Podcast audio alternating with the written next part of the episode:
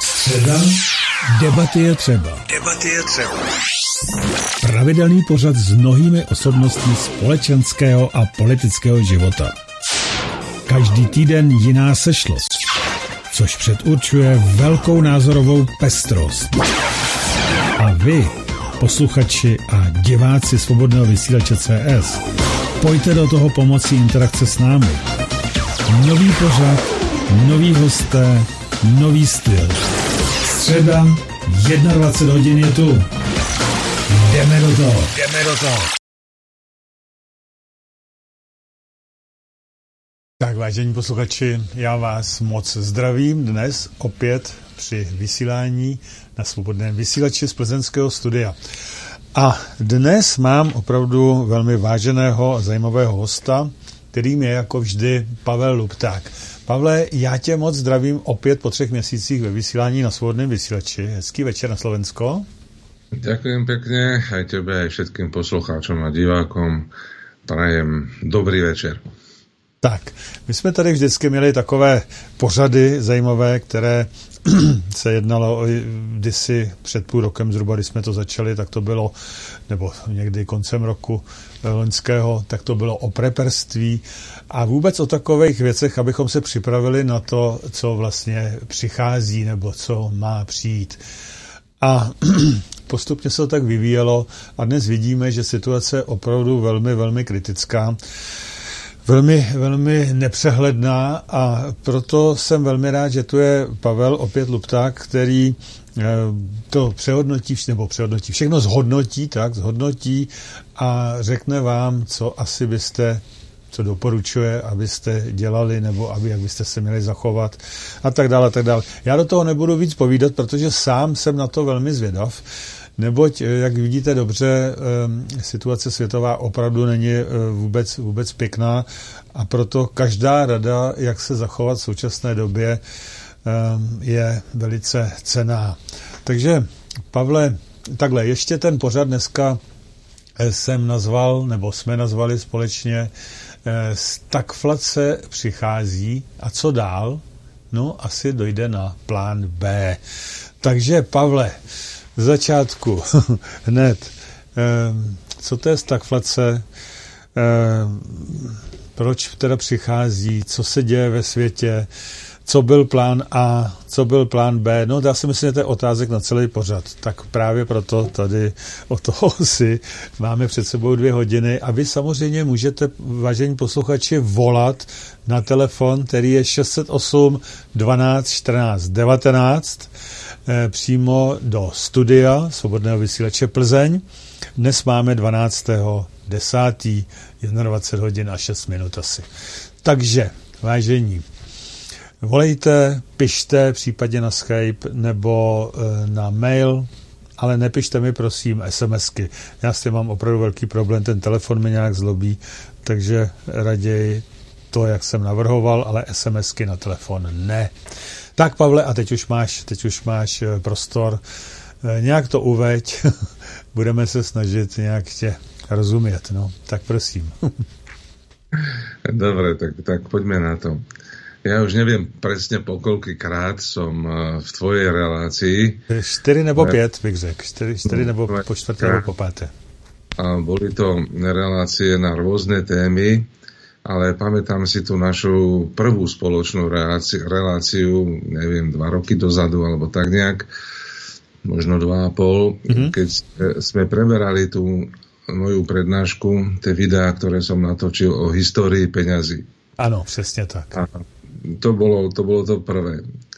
A tí poslucháči a diváci, ktorí to nevideli, alebo sú noví, noví poslucháči Slobodného vysielače, veľa odporúčam pre širšie porozumenie toho, čo sa vo svete deje a hlavne vážnosti a posúdenia vážnosti danej situácie. Hej? Lebo každý jeden z nás sa teraz bude rozhodovať za chvíľočku, alebo v týchto časoch, že mm, není náhodou doba, že by sme porozmýšľali, či netreba dočasne opustiť naše bydlisko, Českú republiku, Slovenskú republiku. Hej, ja by som povedal, toto, čo sa deje, toto není film. To, toto není film dokumentov o nejakej vojne. Toto sa deje reálne v priamom prenose okolo nás. Elity nás zaťahujú do vojny na území slovanských krajín. Hej, tá situácia je podľa mňa veľmi vážna ale nebudeme sa ani vy, ani ja, ani pán Hlavka rozhodovať za, za, tak, ako sa rozhodne sused, alebo čo sa dozvieme v televízii, ale podľa nejakej svojej miery nejakých informácií a určite podľa našej intuície. Lebo máme nejaký ten duchovný hlas v sebe, niekto ho má veľmi výrazný, niekto ho má tak zakopaný hlbšie keď nemá čas sa zamyslieť pre samú prácu alebo nejaký nával povinností, tak nejak sám nad sebou. A je dobré, dobré tak sa niekedy stíšiť večer a, a nepočúvať sám seba, či náhodou mi nejaké myšlienky nebudú plynúť a niečo mi ako keby hovoriť, že by som mal urobiť ja a moja rodina, alebo vy a vaše rodiny. Takže tá história peniazy to je taký fundament, ja teraz sa tým nechcem chváliť, že, že som na tom pracoval dlho a že je to dobré, myslím si, že je to dobrá prednáška na, na vysvetlenie toho, odkiaľ kam ide svet, kde sa my ľudia, obyvateľia Čiech a Slovenska, alebo Česko, pomočka Slovenska nachádzame, alebo celej nejakej, nejakého európskeho kontinentu. A aká bude budúcnosť? Toto je dôležité, že my sa v tejto relácii pokúsime predpovedať relatívne krátku budúcnosť, dajme tomu do desiatich rokov. Čo nás čaká do desiatich rokov? Čo nás čaká do 50, 100 rokov? No tak to neviem. Ale, ale čo nás čaká do desiatich rokov? Či e, tam začneme vidieť za rok, za dva, za tri nejaké svetielko na konci tunela? Alebo tá situácia sa bude iba zhoršovať a všetci zažijeme to, čo pozeráme v tých dokumentárnych filmoch o tých vojnách. Milióny mŕtvych, obrovské utrpenie, mm, vysťahovalectvo, migrácia a tak ďalej a tak ďalej. A ja som, ja mám veľmi rád dokumentárne filmy a hlavne o tých vojnách prvej a druhej svetovej.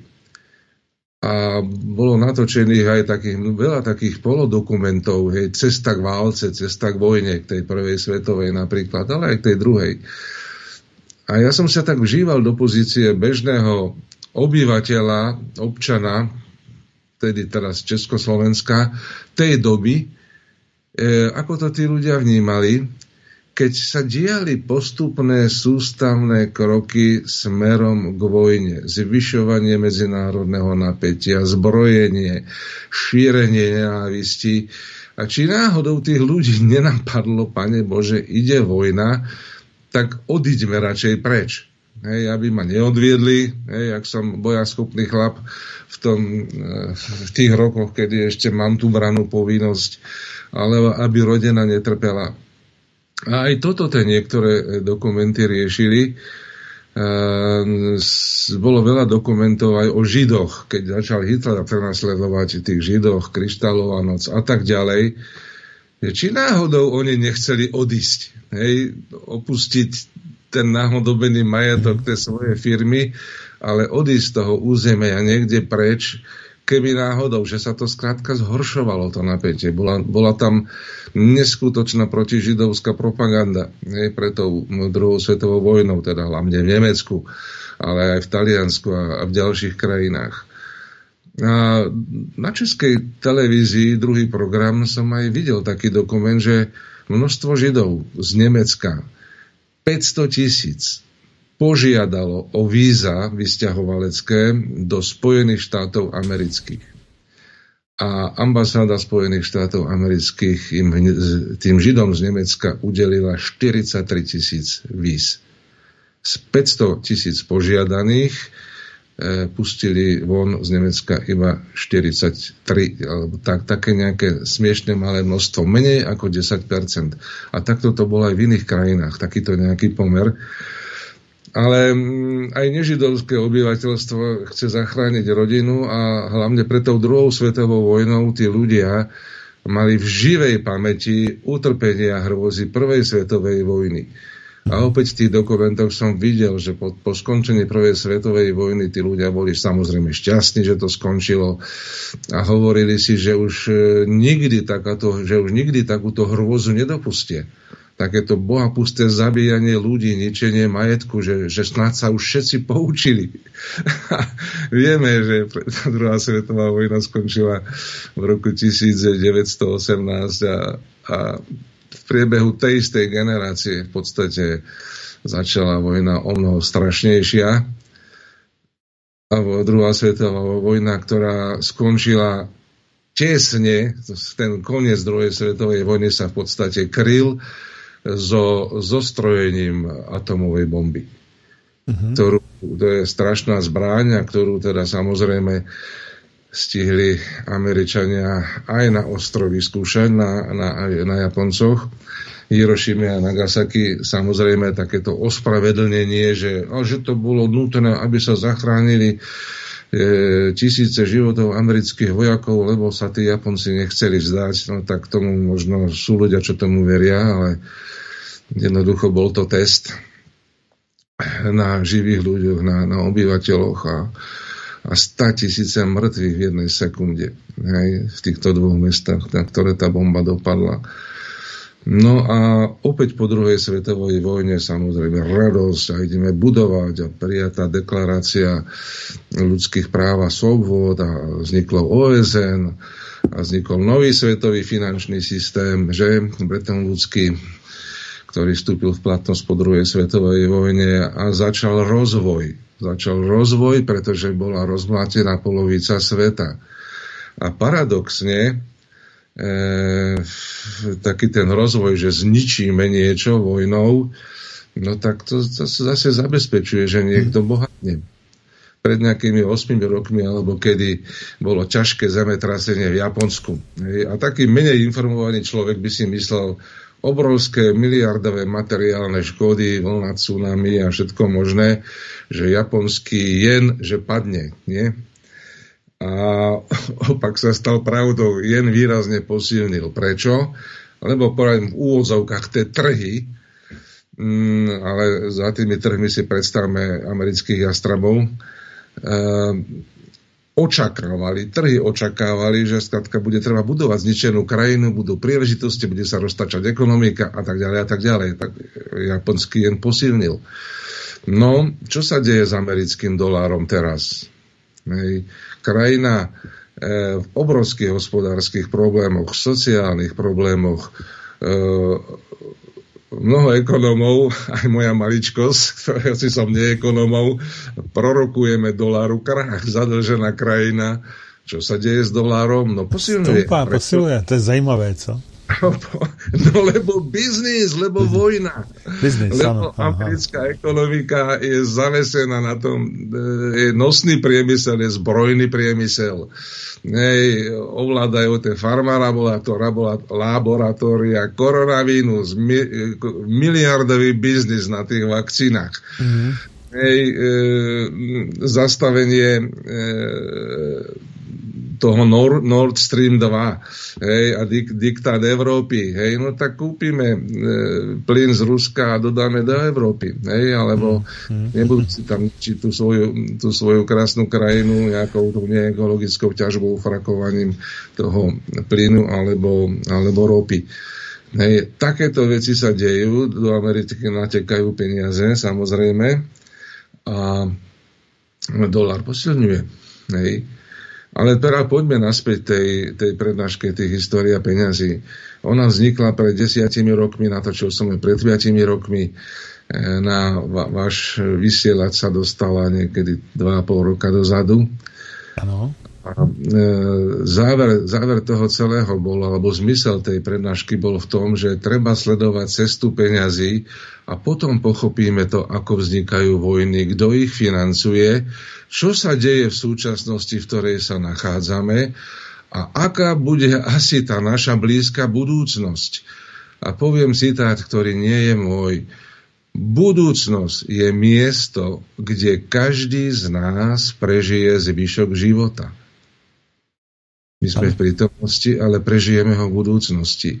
A musí nás bytostne zaujímať, akú budúcnosť si každý jeden z nás vytvára.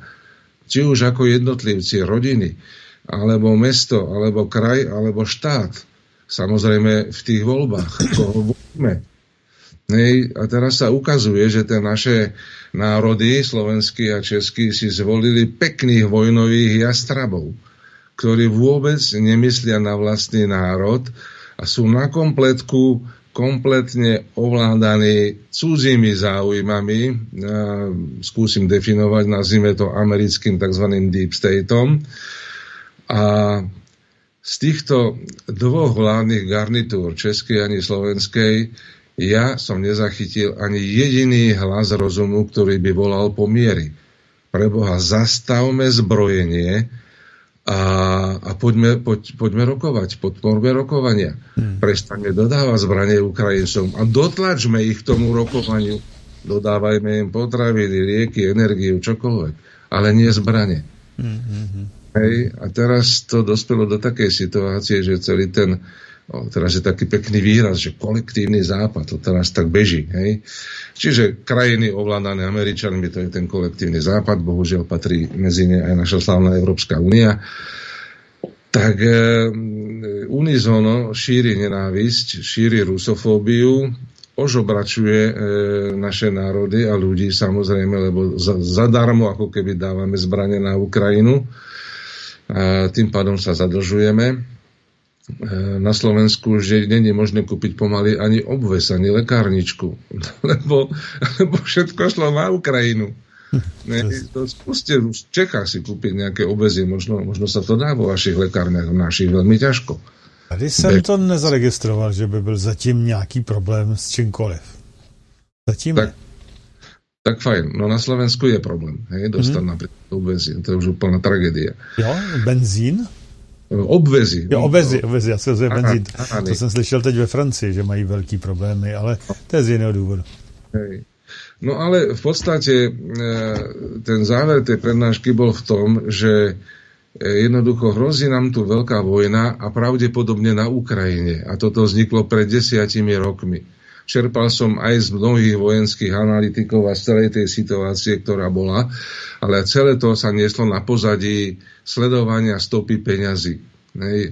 A e, to gro, že to je najväčší problém, že vlastne je tu končiaci svetový finančný systém, e, ktorý je založený na dominancii amerického dolára ako hlavnej svetovej rezervnej meny a že všetky strategické suroviny na základe dohôd o novom finančnom systéme z roku 1944 v Bretton Woode sa musia obchodovať tzv. v amerických dolároch.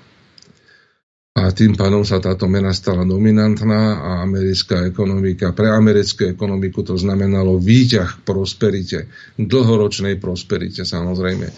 Ale toto, táto jazda skončila už mhm. niekedy začiatkom 90. rokov a odtedy tá e, ekonomika Spojených štátov, aj ekonomika Európskej únie jednoducho sa viac a viac ponára do problémov a ponára sa a utapá sa ako v bažine v tzv. dlhovej pasci. Nej, lebo tá ekonomika bola založená na dlhu, na nikdy nekončiacom zadlžovaní zadlžovanie, ktoré technicky nebolo možné splatiť. Teraz to tu nebudem vysvetľovať, koho to zaujíma, prečo to tak je. Nech si pozrie túto prednášku História peňazí.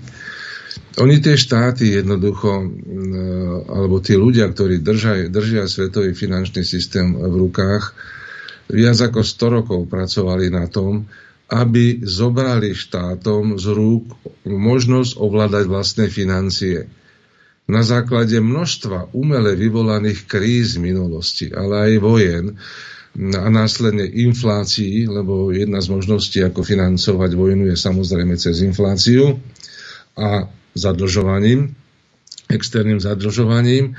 A potom sa ozývali tie hlasy cez tie médiá tých zaplatených politikov.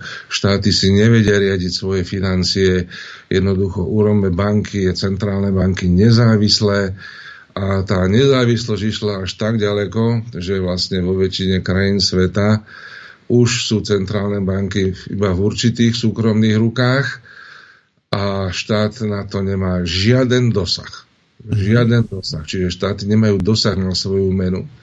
Slovensko na rozdiel od Českej republiky, my sme v tzv. eurozóne, čiže platíme eurom a naša Slovenská národná banka už nemá emisné právo, to má Európska centrálna banka so sídlom vo Frankfurte tak máme o mnoho viacej zviazané ruky ako Česká národná banka, keď, ešte keď máte Českú korunu, mm. ale ani tá si nemôže robiť až tak veľmi, čo chce, lebo sú tu nejaké fluktuačné pásma, nejaké predpisy z Európskej centrálnej banky alebo z amerického Fedu a e,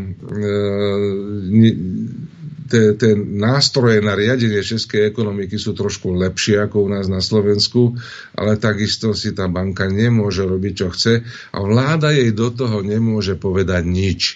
Čiže pár členov e, rady teda e, Českej národnej banky spolu s guvernérom, tak e, tí rozhodujú o tom takmer autonómne ne, nemôže prísť nejaké uznesenie vlády Českej republiky, že nariadujeme Českej národnej banky, aby vytlačila 20 miliard korún a vláda tieto peniaze použije na, ja neviem, na sanovanie problémov e, s drahou elektrikou napríklad.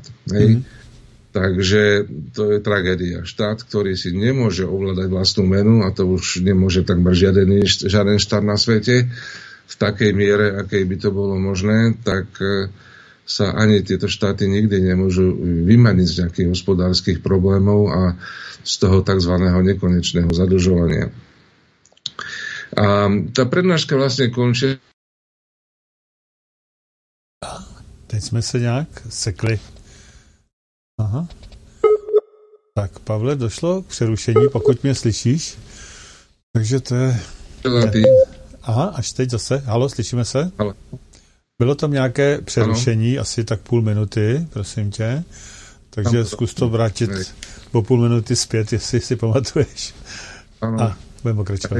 Previnieme, takže v podstate som, som povedal o tom, že e, v tej prednáške História peniazy tam bolo také taká načrtnutá taká budúcnosť a táto situácia s tým končiacim svetovým finančným systémom môže skončiť tromi spôsobmi. Za prvé nehodnotením peňazí. Je taký najznámejší spôsob znehodnotenia peňazí je inflácia, ale keď sa k tomu dostaneme, tak sa budeme rozprávať aj o tzv. stagflácii. Čo to je? Uh-huh. Podľa presvedčenia e, sa ekonomiky krajín Európskej únie prepadajú do tzv. stagflácie. Vysvetlím, čo to je. Druhý spôsob, druhý, stupeň to horšie, čo sa môže stať, e, to sú nejaké lokálne vojny alebo veľká svetová vojna. No a tretí, tretí to, čo sa nám môže stať, to najhoršie, no tak to je všetko dokopy zrutenie ekonomiky, e, inflácia, stagflácia a samozrejme aj vojna. A teraz e, už tu máme tú infláciu, ktorá prerastá v tzv. stagfláciu. A teraz, aby sme vedeli, o čom sa bavíme, tak vysvetlím rozdiel, čo, čo je to inflácia a čo je to stagflácia. Opuje znamená znehodnotenie meny. Hej, jedno aj druhé. Ale v prípade inflácie sa nezastavuje ekonomika. Znehodnocujú sa peniaze, ale mm, ekonomika rastie, či už tým, že centrálna banka treba spúšťa viacej peňazí do ekonomiky, čiže uvoľňuje brzdy, uvoľňuje monetárnu politiku a ten štát ako keby má tie peniaze, podniky fungujú, ak sú vyššie ceny, tak je aj vyššia DPH nejaké iné danie, tie zase natekajú do štátneho rozpočtu, štát má peniaze na to, aby dal platy štátnym zamestnancom a na zdravotníctvo a tak ďalej.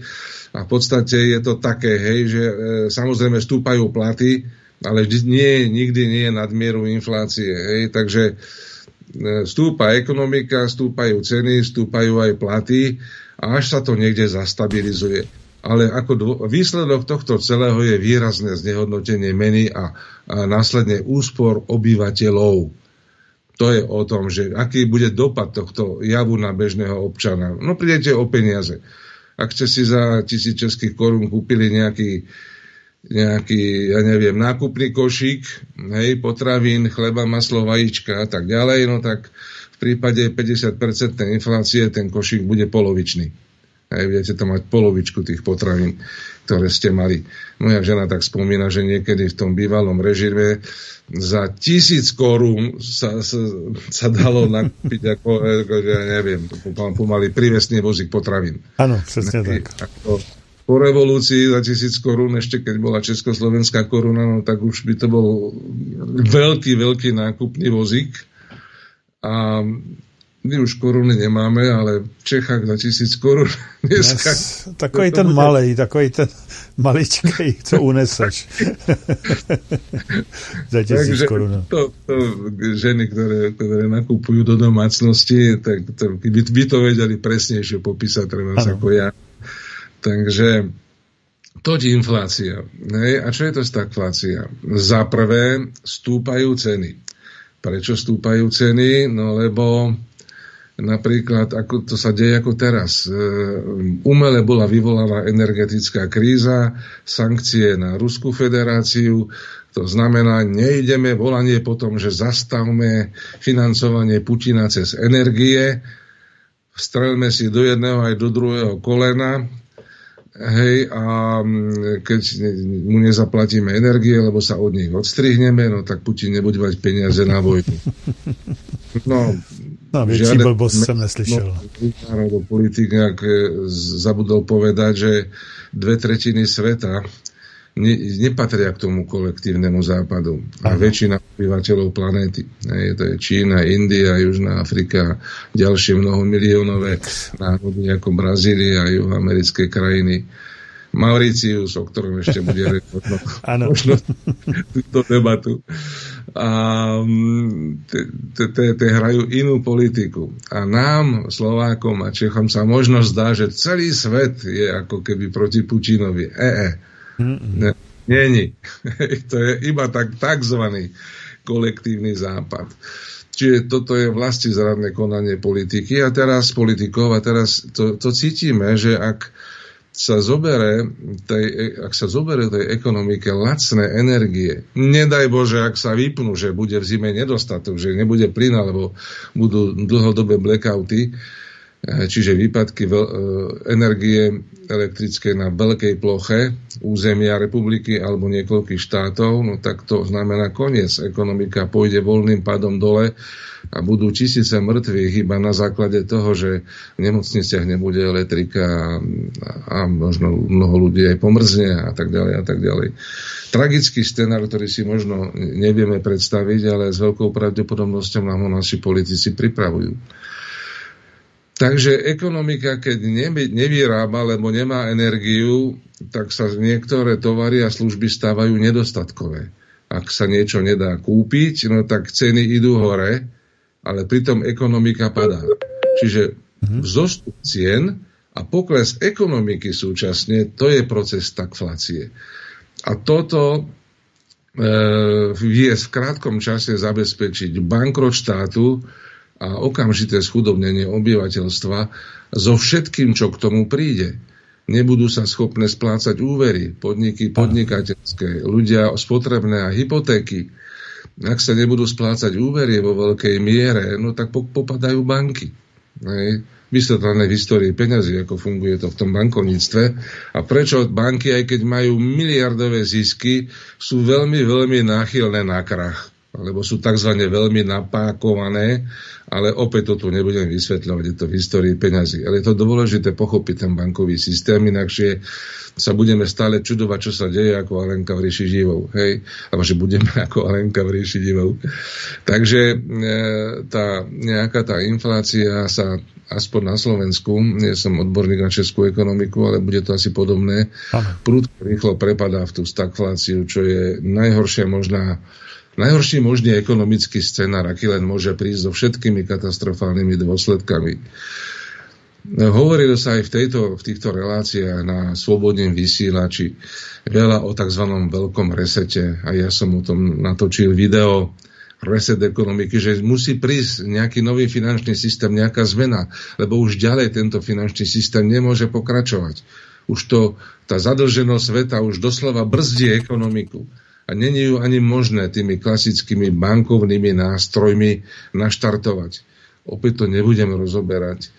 Hej, že čo to vlastne znamená, v túto chvíľu noví poslucháči a diváci mi musia veriť, že to jednoducho tak je, že táto kríza, ktorá je ekonomická, je spôsobená hlavne krízou svetového finančného systému že nám títo moci páni svetoví nachystali tzv. veľký reset, ktorého udalosti na Ukrajine to je len to javisko, na ktorom to beží. Mňa tak baví tá výpočtová technika a všetci, čo pracujete s počítačom, napríklad v operačnom systéme Windows, viete, že z času na čas vám to zamrzne ten počítač. Môžete robiť s myšou čokoľvek, stískať akékoľvek klávesy, nereaguje. Hej, tak tí znalejší vedia, že existuje niečo ako meký reset, meký reštart kombinácia kláves Ctrl a Del, keď držíte, tak sa vám to rozhýbe celé, hej, nejakým spôsobom. No, ale sa stáva v 50% prípadov, že toto nepomôže. A ak tento meký reset nepomôže, tak už vám pomôže rozbeť počítač, iba že ho vyťahnete zo zásuvky, odpojíte od energie. A mne to takto prípada, že toto, čo sa deje, ten great reset, že oni tú ekonomiku idú takto vypnúť, vyťahnú šnúru zo zastrčky Vybavené, rýchly proces. Na počítači, keď toto urobíte, s najväčšou pravdepodobnosťou stratíte uloženú prácu. Ak máte rozrobený nejaký výkres, nejakú vážnu prácu. Ja striham video na počítači, už som Appleista, tam sa to tak nedeje, ak na Windowsoch, ale niekedy v 90. rokoch som strihal vo Windowse a máte hodinovú prácu a keď si aj zabudnete savenúť, uložiť a toto sa vám udeje, že vám to zamrzne, tak som to stratil. Hodinu práce, tragédia. To ešte dobrý hodinu. Stali sa i horší. Nie, ale, ale ísť na to znova. Toto je, alebo aj, aj hodiny samozrejme. Takže toto, toto sa jednoducho deje, že e, ten, e, tá systémová zmena to, to už je kombinácia znehodnotenia peňazí, e, schudobnenia obyvateľstva, vojny, odpojenia od energie. Ale dobrovoľne. Hej, tých elektrární je dosť, elektriky by bolo dosť.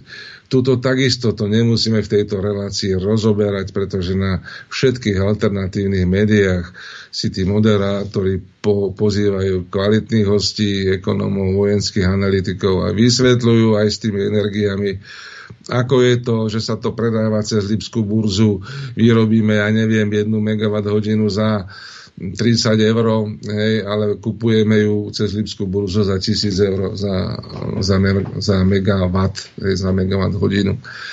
Tak e, to je úplne tragédia. Teraz by som iba pripomenul tú masáž z 90. rokov v Česku aj na Slovensku, prečo treba sprivatizovať elektrárne a strategické podniky, že štát nevie hospodáriť, musí to ísť do súkromných rúk, bude to fungovať, lebo trh všetko vyrieši.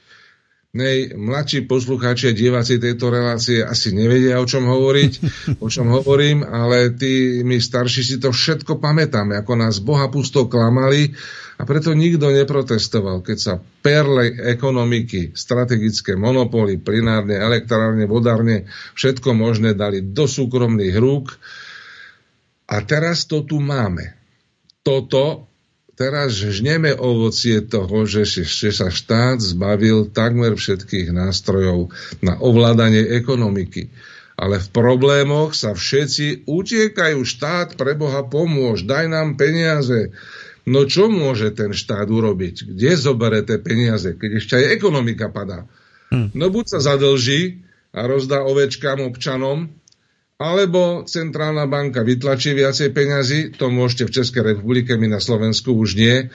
Čo, čo to spôsobí? No to ľudia dostanú peniaze, dostanú kompenzované elektriky, ale na druhú stranu to automaticky vyvoláva znehodnotenie českej koruny, kde zase znova prichádzate o peniaze. Alebo si kúpite do toho košíka menej, ako som vysvetlil. Toto je bludný kruh, z ktorého neexistuje únik. Hmm. Opozičné strany sa vezú teraz na tej vlne, že áno, títo to robia blbo, ten, ten Matovič alebo Fiala v Českej republike, my by sme to robili inač. Ja priznám sa, ja neviem, čo by sa tu dalo robiť inač. Ak nemáme ekonomiku v rukách, ak štát nemá v rukách centrálnu banku, to na Slovensku vlastne nemáme, teda vlastnú menu, centrálnu banku s tým právom, ak, ak všetci naťahujú ruku, štát pomôž, hej, dôchodcovia si nekúpia za tie dôchodky nič a zdravotníci chcú väčšie platy a učiteľia chcú väčšie platy a ešte musíme dávať zadarmo zbranie na Ukrajinu a za to musíme nakúpiť nové zbranie od Američanov, aby ich ekonomika rástla. Toto kúrnik šopa sa všetko deje v priamom prenose. Ja už keď si len ten televízor, ten mainstream pustím, lebo ho musím sledovať, aby som nejak vedel tú mieru tej debilizácie, tak ale mi to fakt mi to škodí na zdraví. Ke, keď, keď povedia, sledujem českú televíziu, hej, keď pozerám tie správy, áno, opäť Rusi bombardujú jadrovú elektráren tu Zaporožsku. Kúrnik, toto, a toto s kľudom Angličana odznie aj v Čechách, aj v Českej televízii, aj slovenskej. Zase Putin vystrelil granáty na Zaporovskú elektráreň, kde majú uložené sklady zbranie a majú v rukách Rusy. A nikoho to neštve. Alebo že si Rusi vyhodili do ľuftu plynovod. Ano. Možno aj Kerský most, že si Rusi sami vyhodili, že to ano. je tak. To, to, a ne, ne, neverili by ste, koľkí ľudia tomuto veria. Ako, že, a toto je ten najväčší des. Mm-hmm. Že ľudia nerozmýšľajú a oni príjmajú z tej mainstreamovej televízie tie holé fakty. My na alternatíve, alebo vy, poslucháči a diváci e, alternatívnych médií, ja viem, že je vám to všetko jasné a že rozumiete, čo vám tu s pánom Hlavkom hovoríme. Ale ide o to, aby ste takým tým e, teraz tomu poviem, takým tým canvassingom, to je, to je taký nepreložiteľný výraz, to je volebná kampaň, osobná volebná kampaň. Politik ide medzi voličov a rozdáva letáky, debatuje, možno schytá aj nejakých pár faciek, hej, ale je to účinná volebná kampaň. Takýmto osobným e, canvassingom, takýmto prístupom oslov debatovali s vašimi známymi, priateľmi, príbuznými a smerovali ich tej alternatíve ja viem, že je to ťažká práca, že hlavne v tom príbuzenstve, keď máte takého dobrého slnečkára zažratého, tak to aj rozháda rodiny. Hej, možno nejaké rozvody sa dejú v rodinách, že žena slnečkárka alebo muž a ten druhý hej, prívrženec je to katastrofa. Ak, ak sa napríklad, alebo že vníma jasne tieto veci, tak sa ľudia rozvádzajú. Ano. Hej, ale musíme to robiť, ako iný, iný nástroj nemáme, iba voľby a osobnú kampaň. Hej, tá druhá strana má v rukách mainstream. To je ako keby e, raketo, raketové vojsko s letectvom dokopy a s ťažkou artilériou voči e, vojakom na koníkoch a so šabličkami. Hej, to, je, to, to, to je takýto pomer. Ale máme iba dve šance. Buď budeme narastať, alebo nás to zmetie tak ako to zmetia aj tých slniečkárov. Hej, keď teda vojna príde na naše územie. To sa máme tešiť, že ja budem zomierať aj s rodinou a ešte aj ten slniečkár a budem hovoriť, vidíš ty debil, hej, čo ste spôsobili. No. Takže o tom, či táto čierna vízia, teraz ktorú tu hovorím, e, môže nastať alebo nemôže a ak to hrozí, čo je to ten plán B, tak budem rád, keď zvýši čas v tejto relácii na to, aby sme tu len nepolitizovali, ale aby ste sa dozvedeli konkrétne návody, ak budem chcieť čo len na pár mesiacov alebo na rok odísť z, zo svojho domu do bezpečnejšej destinácie, a keď, keď, tak do akej, aby ste sa dozvedeli, kde môže byť relatívne bezpečne vo svete, ako sa tam dá žiť, aké sú tam životné náklady, čo všetko si musím dopredu nachystať, aby to bolo možné, tak potom sa bude každý jeden z nás rozhodovať, či už ten čas nastal, mám, nemám, ale keď mi z toho vyjde, že mám, tak aby som vedel ako. Takže ja by som možno poprosil takú nejakú pesničku, Pavle, ano, že by sme ano, si ano. sa vydýcham. dáme jednu písničku příznačně od Tomáše Ortela Zůstaň mým domovem. Ano, takže jedem a po písnice teda přejdeme k té druhé části, ano, plán B. kousek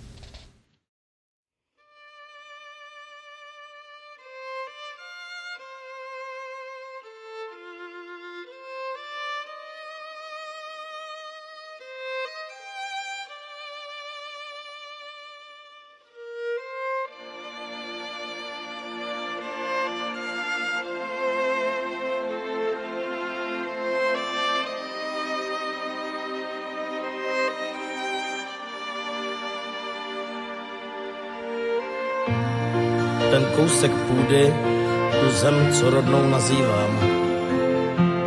Tolik lidí život za ní položilo. Já se teď sám, sám sebe ptám, čím to, že češství se z nás vytratilo. Kam poděla se soudržnost, kam zmizel onen chor, ten chor, co o sjednocení zpívá, což morálku vlastenců napadl mor, slepý je národ, když tvrdí, že se dívá. Teplá voda teče a plyn dává jasný plamen. Proč zaobírat hlavu starostmi, co bolí? Mám snad jenom já na duši kámen, co mysl tíží a páteř drolí? Ne, nepřestanu budit vaše svědomí a city, zvlášť v době, co nastává, mý drazí. Naše domovy brzy budou jen kryty a za nimi násilníci a vrazy. Zůstaň mým domovem, bez bojů a válek. Zůstaň mým domovem, mou vlastní matku má. Prosím, zůstaň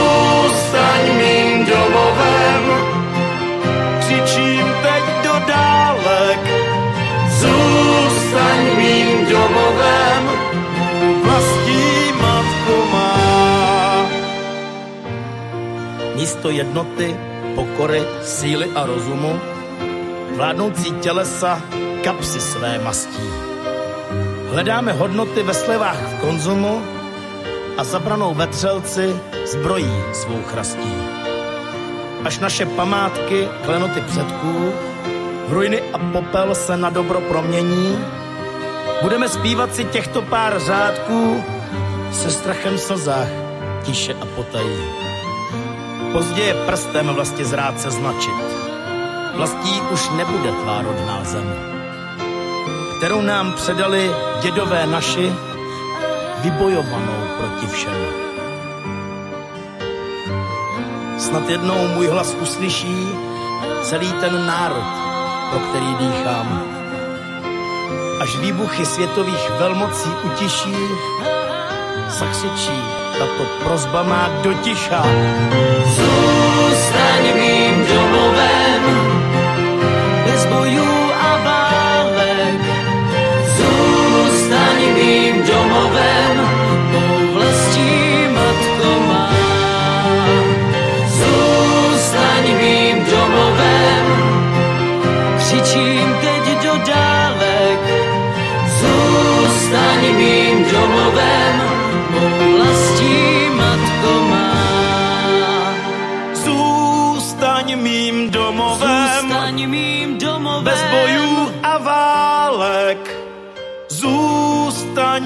mým domovem, mou vlastní matko má. Prosím, zůstaň mým domovem. Zůstaň mým domovem. Křičím teď do dálek.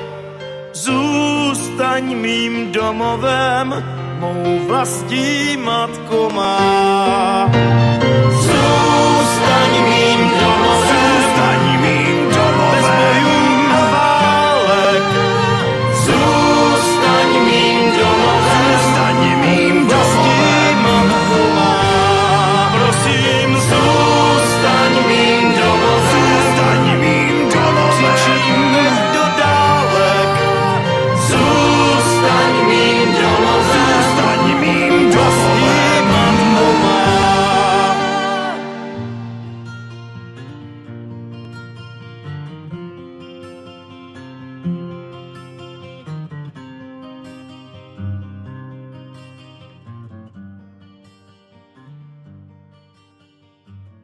No tak jste slyšeli krásnou písničku, příznačně Zůstaň mým domovem od Tomáše Ortela. Jak se ti líbila, Pavle, tato písnička?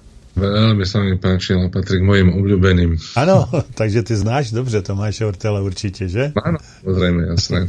Aha, tak to je fajn. Dobře, Zlatého Slavíka, který ho nedostal, protože těsně předtím, než ho měl dostat, tak to zrušili. Raději. to taky nemělo chybu. No, tak jo. Takže to je ohledně písničky. No a my už půjdeme do té druhé části, to je ten plán B.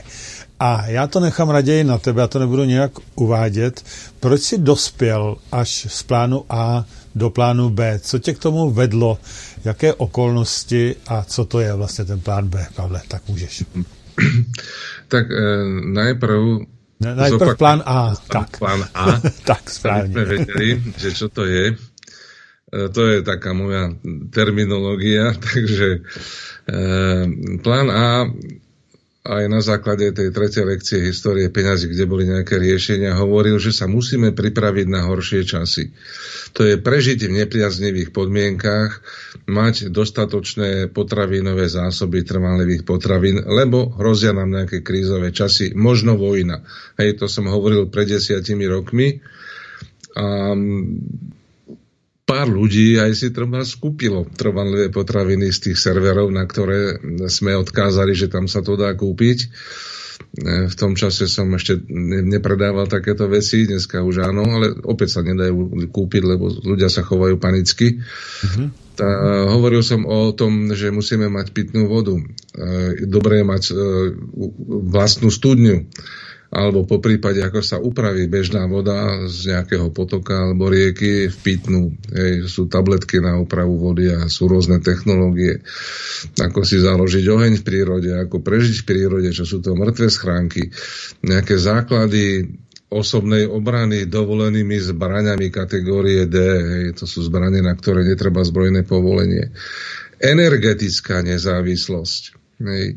Čiže robili sme aj preperské kurzy, kde sme ľuďom, ľuďom toto vysvetľovali.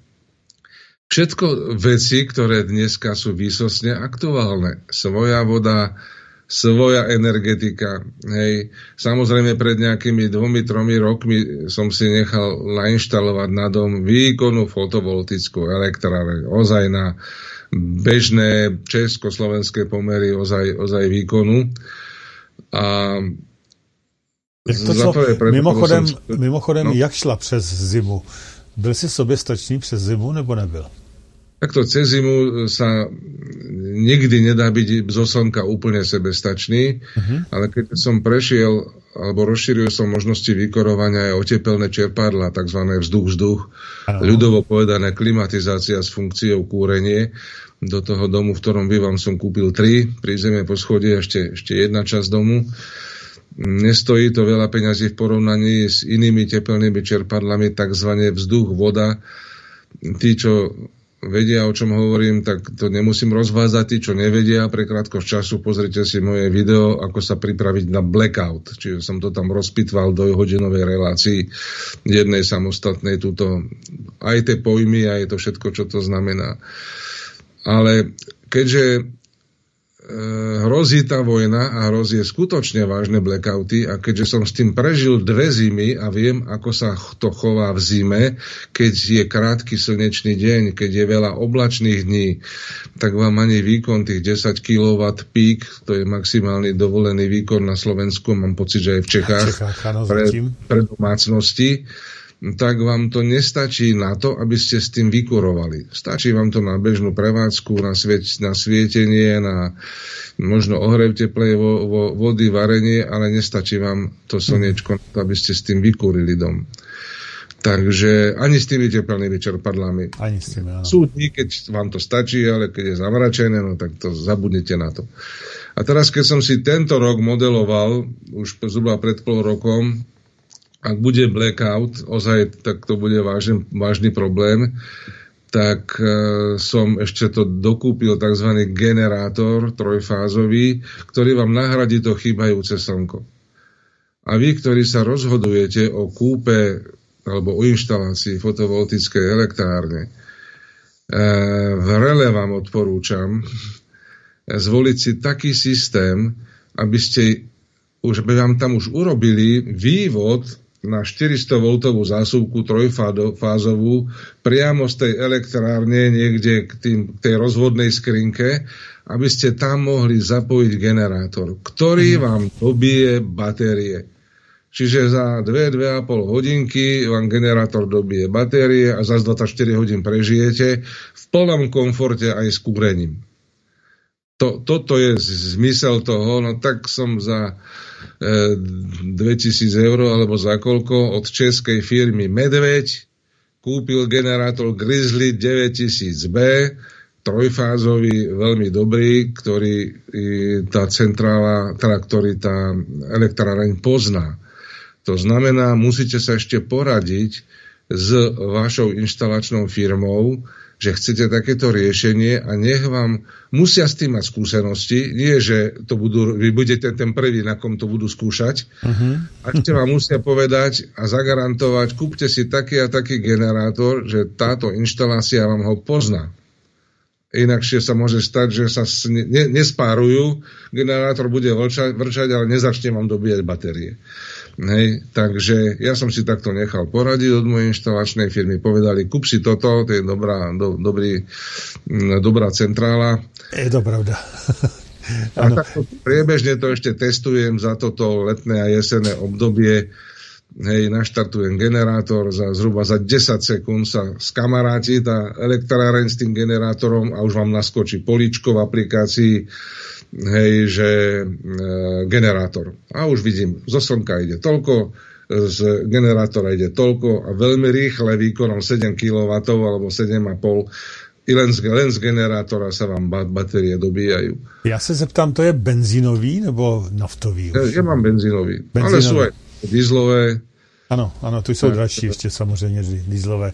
Ale já se ještě zeptám, e, říkáš za dvě hodiny, že to nabije baterie, je to možné samozřejmě, protože jestli to je 7 kW, tak eh, jestli máš 15 kW, tak by to mohlo být, že jo, samozřejmě. Zeptám se, kolik to sežere za tu dobu benzínu? Tak tento mm, Grizzly 9000B má normovanú spotrebu 2,1 litra za hodinu. Eh, Benzín. 2,1 litra za hodinu benzínu při plném výkonu, ano? Pri plnom výkone, áno. Tak to je slušný. Hej. Hm. Takže samozrejme chce to zase mať zásoby benzínu. Áno. Stačí 20 litrový kanister, alebo 10-20 litrových kanistrov, ja neviem, hej. Každopádne v tej zime je to slnko, vyrába vám tá elektráreň. Hej, akože v pohode, ale ešte raz, ak chceme kúriť, alebo máme malé deti a ozaj musí byť vykúrené, musí byť veľa teplej vody, no tak ako dokrmiť to tým, tým generátorom je ako nutnosť. Hej. Mhm. Ak nebude, nebude elektrika. Já se Takže... ještě zeptám, Pavle, mimo, úplně mimo možná to je tohoto tématu. I když, proč ne? E, ohřívání pomocí těch tepelných trubic. Eh, který, který, ne elektrika, ale že to přímo ohřívá teplo. To jsou ty high, high pipe, nebo jak se to jmenuje, ty, eh, který jsou schopný opravdu ohřávat, i když je zataženo. Eh, víš, o co jde? Um, takto, to sú tzv. slnečné kolektory. Áno. Na, na, na, na produkciu teplej vody. To nevyrába ano. elektriku, o tom sa bavíme, hej? Áno, samozrejme. Ale že to iba vyrába teplú vodu. Uh-huh. Takže áno, že vraj aj v tej zime to nejakých tých 40-45 stupňov dokáže urobiť aj pri zamračenej oblohe, neviem. Hej. Mm-hmm, dobře. Tak, e, problém je v tom, že aj toto má nejaké obehové čerpadlo, aj tento systém potrebuje elektrickú energiu aj keď nie nejakú výraznú, tak ak má niekto iba ohrev teplej vody týmito trubicami, tak musí mať nejakú mini centrálku alebo mini záložný zdroj, aby mu tých 100 W alebo koľko bere to obehové čerpadlo, to poháňalo, inak e, to nebude fungovať. Mm-hmm, mm-hmm, jasne. Že, takto, takto, viem, že e, asi 99% inštalácií, ktoré sú fotovoltické, e, vôbec nerozmýšľa o pripojení generátora. Hej, v prípade be, v, tých, v tých bezpečných časoch to ozaj bolo e, vhodné iba pre ľudí, ktorí majú tzv. ostrovný systém, že sú niekde majú dom niekde mimo elektrickej siete, že nie sú pripojení v sieti, tak tam na to zimné obdobie generátor je nutnosť, inakšie by, by ste boli bez elektriky. Ale tam, kde sme v sieti a kde máte tzv. hybridný systém, že ste schopní fungovať aj bez elektrické energie zvonku, ale aj v spolupráci so sieťou, tak e, toto je nutné uh-huh. mať na, Dobře. na možný výpadok. Áno. Dobře, takže pokračuj dále, sme sa trochu odbočili. Takže hovoril som o tom, že vždycky byť o krok dopredu, teraz sa nechcem chváliť, ale ja myslím na tie horšie časy, tak, tak e, dva roky pred tou vojnou na Ukrajine už bola elektráre namontovaná a tento rok som to, keď sa začali šaleť s tými energiami, tak som to ešte doplnil tým generátorom. Áno, musím povedať, táto vláda mi vyhnala 2000 eur z Reska, lebo ten generátor stal vyše 2000 eur, bez DPH. Mm-hmm. Hej, tak e, inakšie by som to nekupoval, lebo tu, tam, kde ja bývam, jednoducho, ak, ak bol nejaký hodinový výpadok, keď bola nejaká búrka, tak to bolo veľa. Mm-hmm. Tá elektrická energia tu bola spolahlivo dodávaná, E, čo žijem a čo si pamätám, tak sme tu nemali žiaden, žiaden blackout dlhší ako hodinu. Hej, tak e, teraz všetci hovoria, že bude zle, no tak, tak dobre. Hej, a teraz mnoho ľudí si inštaluje tie elektrárne a, a bojí sa, no len aspoň na Slovensku čakacie doby na inštalácie fotovoltickej elektrárne sa nesmierne predlžili. Pol roka až rok. No, takže už tí ľudia to chytajú za chvost. Čo keď sa za mesiac stane niečo a budeme bez prúdu, no tak, tak problém. Hej. Mm-hmm. Treba byť dva kroky dopredu. Dobré, a... Pavle, no. mohu vzít telefon, protože mi tady volá posluchač, jo? Vezmu telefon. Takže hezký večer, jste ve vysílání, prosím. Eh, dobrý večer, tady František z Prahy. Eh, já mám večer. dotaz na pana Luptáka. Eh, zmínil elektrocentrálu, já ano. ji mám taky.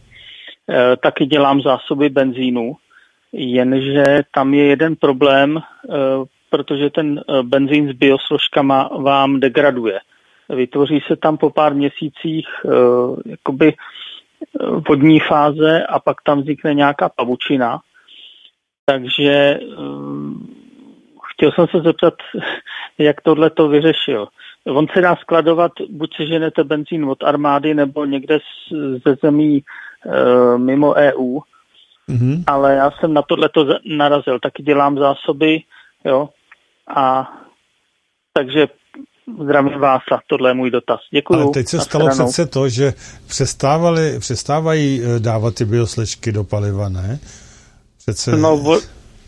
já bych řekl, že já bych řekl, že oni o tom jenom kecali, jo. Já že, kecali, že eh, nakonec to že tam nic. jsou furt, ale, ale já mám, jak se říká v, ve výrobním průmyslu FIFO, že jo, first in, first out, takže mm-hmm. beru ty nejstarší zásoby, testuju to a zatím k těm nejnovějším jsem ještě nedošel, jo. To jde do motorovky a zatím jako v pohodě, jo.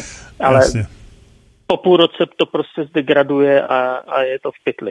No. Je zajímavý, já mám v autě v jednom už rok hmm. naftu a nepoznal jsem žádný rozdíl po roce. Takže v autě to možná nevadí. Nevím. jasný, jasný. Dodávce no. teda, když to tak řeknu. Dobrý, v pořádku, hmm. nebudeme, nebude, zeptáme se Pavla, jak to řeší. Pavle, prosím. Toto je dobrá otázka, takže bereme to ako nejakú faktickú poznámku. Uh, ja mám také, že tri spotrebiče hej, na takýto motor. Prvý je kosačka, druhý je snehová fréza a tretí je teraz tento generátor. Áno. E, kosačku motorovú používam ja neviem, 30 rokov. Hej, teda nie je tu jednu, ale jednoducho, keď to odíde, tak si kúpite novú. E, posledné kosenie, dajme tomu niekedy v novembri a prvé kosenie bude niekedy v dubnu, v apríli. Ani raz sa mi nestalo, že by som tú kosačku nenaštartoval, hoci som nechal v nádržke e, benzín. Mm-hmm. Hej. Pozor, snehovú frezu mám 3 roky. Ak som prestal odhadzovať sneh niekedy e, v marci s frezou a zno, znova som to naštartoval niekedy na prelome decembra, januára, tak dva roky sa mi nestalo nič. Naštartoval som tú snehovú frézu A v Lani sa mi stalo, že napadol sneh, ja som si už dopredu prezu nachystal, štartujem, štartujem nič. Mm. Hej, e, a stalo sa te, presne tento problém. No tak volám do, do, do toho Mountfieldu, lebo tam som to kúpil. Hej, a teraz tá freza, ja neviem, ona má 100 kg, a možno aj viacej, to sa ani do auta nezmestí. Reku, e, či, či, či robia taký servis, že by mi to aj odviezli do toho Martina 30 km od tohto. A ten servisák mi povedal, viete čo, to je jednoduché, rozoberte si a vyčistite si karburátor. Hej, no tak v živote som to nerobil, aj keď som strojár, ale zase tam je pár šroubov, tak som rozobral karburátor, vyčistil som tie veci, zložil som to, nalial som benzín, naštartovala. Hej, a odtedy si dávam pozor a treba vypínať teda pred dlhším odstavením tieto spotrebiče, či je to kosačka, snehová freza, generátor, nasledovným spôsobom skončíte používanie, zavrete prívod paliva a, a necháte to dobehnúť tak, aby vám jednoducho to palivo z toho karburátora sa spotrebovalo. Ano, Možno tak. minútu, dve, ešte ten motor bude bežať a potom pomaličky skape. To je jedna vec. A druhá vec je skladovanie paliva to, ten benzín skutočne by som neodporúčal pre takéto prípady skladovať dlhšie ako možno 3 mesiace. No tak je dobré ho v priebehu tých troch, štyroch mesiacov skladka vylieť do auta, ak mám benzínové auto, alebo do susedového a no, zase si natankovať čerstvý. Hej. Toto sa týka aj motorovej nafty. Alebo jeden známy mi hovoril, že sa mu veľmi osvedčilo, keď skladuje benzín v súdoch, Skrátka, tá biozložka sa usadí niekde na spodku aj v priebehu mm, nejakých tých pár mesiacov a takto si skladuje benzín aj niekoľko rokov, ale čerpá ho viac menej ako keby z vrchu, aby to čerpadielko nešlo až na ten spodok. A vyhne sa tomuto problému, že budú odchádzať tesnenia hej, a že treba človek nenaštartuje. Tak e, toto som neskúšal, nemám súdy na, na benzín ale ja, ja to mám v kanistroch a, a, a takýmto nejakým spôsobom, že skladka mám čerstvú naftu, dojom naftové auto a na tieto spotrebiče mám teda vždy nejaký čerstvý benzín, tak sa teraz si dávam záležať na tom, aby som to nemal dlhšie v tých kanistroch alebo 3 mesiace. Potom to nechám švagrovi alebo kamarátovi, tu mám 20 litrovú bandasku, vylej to tam, nemusíš ísť na pumpu, zaplatí mi to a ja si natankujem čerstvý. Hej, takže všetci sú spokojní samozrejme. Jasne. Tak uh, to len taká tá odbočka. Takže bavíme sa teraz o tej pripravenosti dopredu, aby sme to nechytali za chvost. Takže aj tá voda, aj tie potraviny, to sa všetko ešte dá. Ešte aj rozumne mať zásoby benzínu. A teraz poviem nielen na generátor, ale benzínu aj nafty podľa typu auta, aby sme prešli aspoň 2 až 3 tisíc kilometrov to znamená, mm. dobre, ak máme autíčko, že prejde tisíc kilometrov na, prvú, na plnú nádrž, či už nafty a benzínu, tak ešte na tých ďalších 2000 kilometrov to musí byť v bandaskách. Prečo? A tu sa už dostávame k tomu plánu B. To znamená opustiť územie, kde hrozí jadrová vojna, a nena, alebo nedaj Bože z tej nejakého jadrového konfliktu na Ukrajine tá, tá radioaktivita prejde aj na naše územie. Aj to sa môže stať. Hej.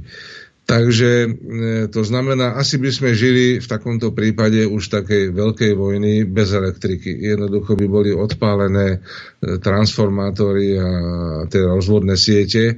Ak nemáme elektriku, tak nenatankujeme, lebo nepôjdu benzínové pumpy. To je logické. Hej. Mm-hmm. A keď nepôjdu benzínové pumpy, nepôjdu elektrické vlaky, nebudú chodiť autobusy, ak nemám benzín, tak ja sa nikde nedostanem z tej Českej republiky alebo z tej slovenskej. Na toto treba myslieť. A teraz bude záležať na miere vášho ohrozenia vo vašej hlave alebo v našej hlave, kedy tá doba nastane, alebo či už náhodou nenastal. Hej. Ak si budeme robiť, takto počínať, že si budem, držím si teda vždycky plnú nádrž v aute, alebo keď mám dve autá, tri, tak vo všetkých plnú nádrž a ešte aj tie kanistre nafty, či ich bude 5 alebo 10, to už záleží na vás, tak vás to, nemáte tam žiadne dramatické náklady. Hej, to je iba na dočasné obdobie vojny, nestability sa naučiť inak tankovať.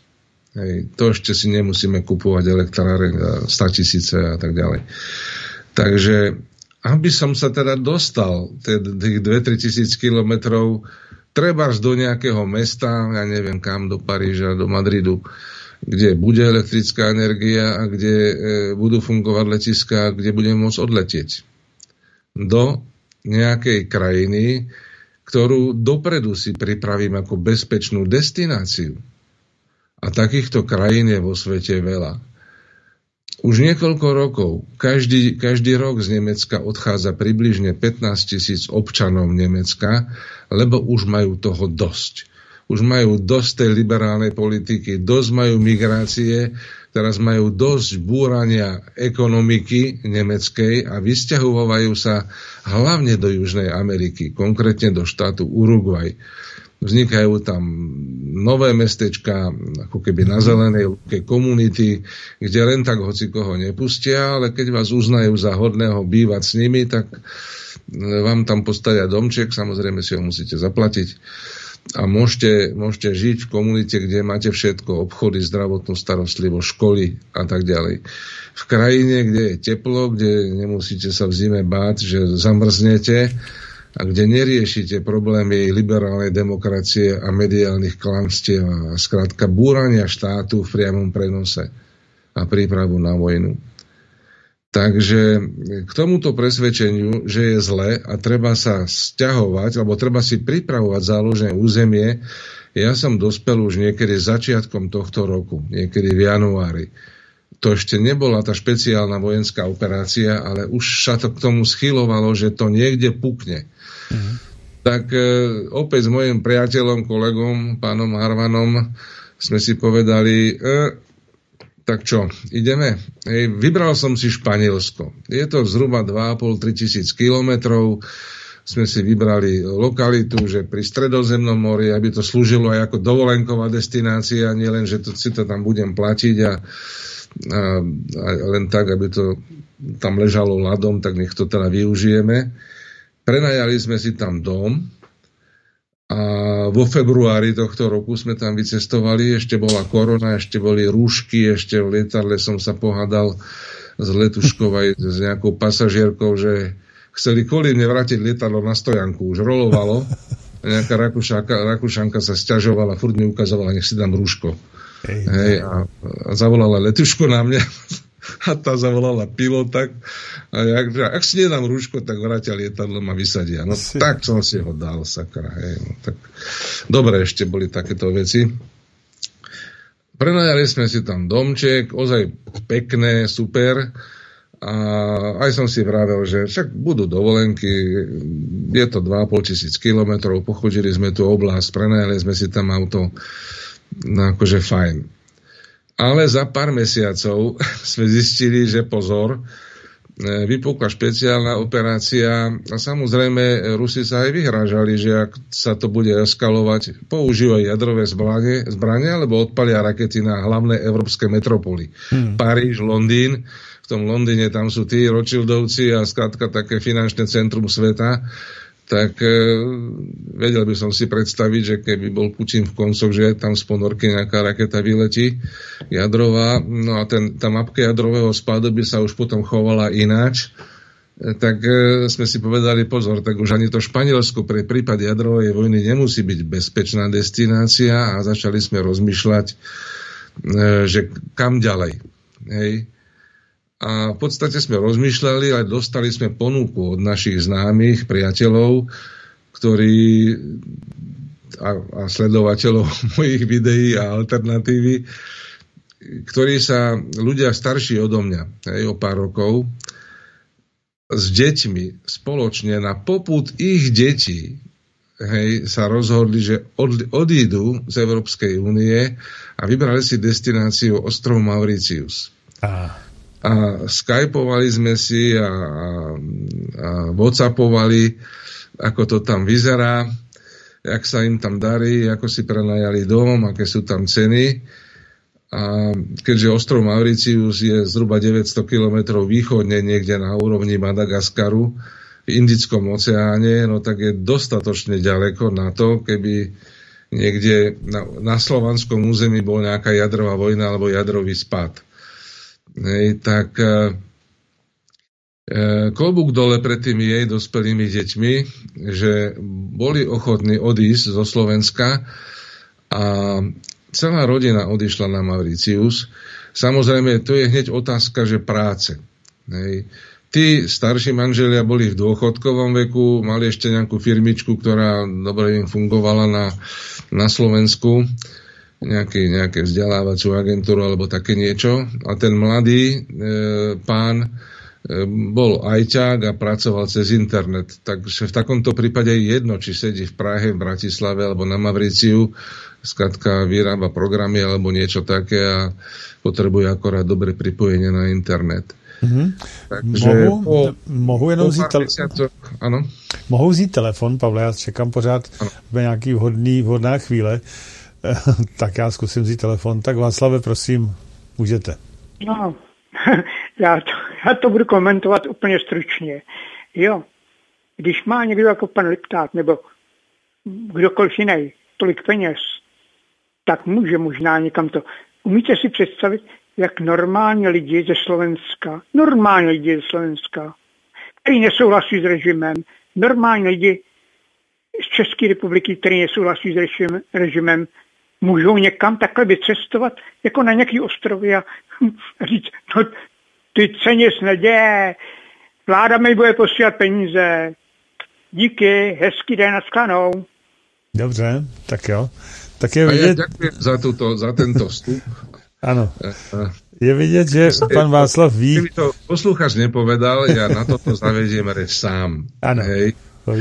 Takže, takže trošku nadviažem ešte, aby som povedal. Takže v podstate e, sme sa dohodli, dali nám kontakt na realitnú kanceláriu, povedali nejaké formality a už cez tú realitku sme si dohodli nejaký dom. E, začiatkom septembra, teda 9. mesiaca, som tam s kolegom vycestoval, lebo um, prebrali sme dom, pozisťovali čo a ako, boli sme tam 3 týždne. Manželku som ešte nechal doma, tá zase riadila moju firmu. E, vlastne tiež máme také dve firmičky. A teraz sa tam chystáme odletieť na, už na dlhšie, treba na 3 mesiace. Ano. A natočil som tam také krátke video, 20 minútové a tak som aj tým ľuďom tak prednaznačil, že v ďalšom videu je dobre porozmýšľať, teda, ktoré natočím, aj nad tým plánom B, že, že či náhodou netreba aj niekam odísť, keď na to, na to dvojdeme, keď, na to, keď nám to takto sa spojí, dopne. A, a potom kde, a prípadne ako sa chovať, čo k tomu potrebujeme a tak ďalej. A teraz niekoľko komentárov, pár, 3-4 pod tým videom boli presne takého charakteru, mm. ako teraz volal ten poslucháč. Ale keď ja pracujem, tvrdo pracujem 20 rokov, žijem od výplaty do výplaty a to si iba bohatí môžu dovoliť lietať a ja na to nemám peniaze a tak ďalej a tak ďalej. To isté modrom. Chápete, že mm, chápeme aj toho poslucháča a teraz e, ide o to, aby, ste, aby sme teraz pochopili, že jednu vec, a ja teraz budem ale veľmi, veľmi tvrdý, hej, na všetkých týchto ľudí, ktoré píšu takéto komentáre. Ľudí e, delím na dve kategórie. Reaktívnych a proaktívnych. Proaktívny človek, to je ako keby ten prepiar, teraz nechcem povedať, že ja, že 2,5 roka pred špeciálnou vojenskou operáciou elektráreň, 10 rokov som ešte predtým o tom rozprával, že je to dobré. Hej, a, a vlastná studňa, nezávislé kúrenie, treba na pevné palivo. A nakoniec dojdeme k tomu, že dopredu rozmýšľajme, kam pôjdeme.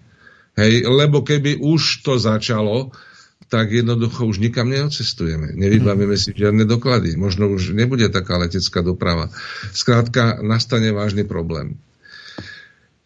No, zoberme si tie exotické destinácie. Ľudia si myslia, že sú drahé, lebo keď si pozrie v katalógu dovolenku, ja neviem, na Mavriciu, alebo ja neviem, kde v Thajsku, v nejakých tých hoteloch možno nemusia byť 5 hviezdičkové, ale čo len 3 hviezdičkové s nejakou stravou, tak vás to vyjde, ja neviem, tisíce eur, hej, alikvot na prepočet na českú korunu na, na dva týždne alebo na týždeň.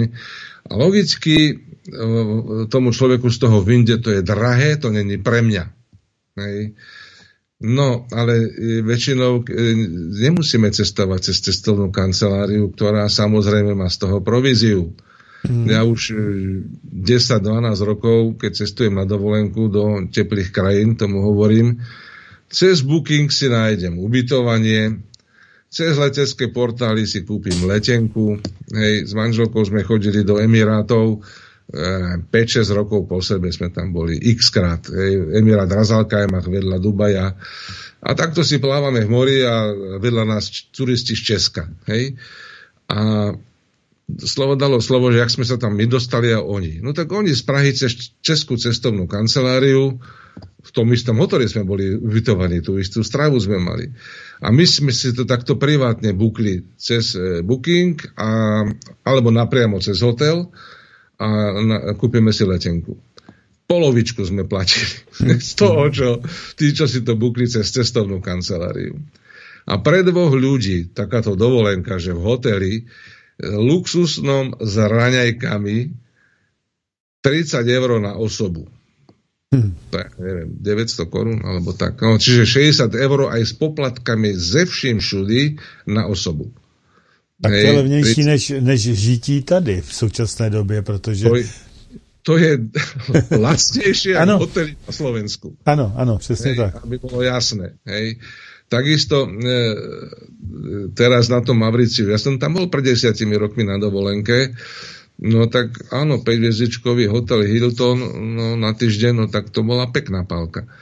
Hej, a už by som nikdy nešiel 8000 km iba na týždennú dovolenku, pretože to vám rozhádže akorát ten organizmus. Ano. Tri dne sa aklimatizujete niekde a po troch dňoch fajn a zase, aby ste už leteli domov a potom sa zase spamätávate z toho, že ste prišli z 30 stupňových teplôt, ja neviem, do minus 5 hej, na, na Slovensko, tak do takýchto vzdialených destinácií treba, ak chceme dovolenkovať, tak aspoň 2-3 týždne a viac. Hej. No, takže za prvé je tam lacnejšie ako v Čechách a na Slovensku a v Európskej únii. Za druhé, prenájom tam luxusného veľkého domu bol o polovicu lacnejší ako rovnakého domu v tom Španielsku alebo v Čechách a na Slovensku. Aj tu sa prenajímajú domy. Kto by nechcel bývať v dome, ale stačí mu malý apartmán, tak za 100 až 150 eur na mesiac na osobu jednoducho sa tam viete ubytovať. Dovolím si povedať, že za 100 eur na mesiac na osobu, ja neviem, či by som na Slovensku našiel také dobré ubytovanie. Hej.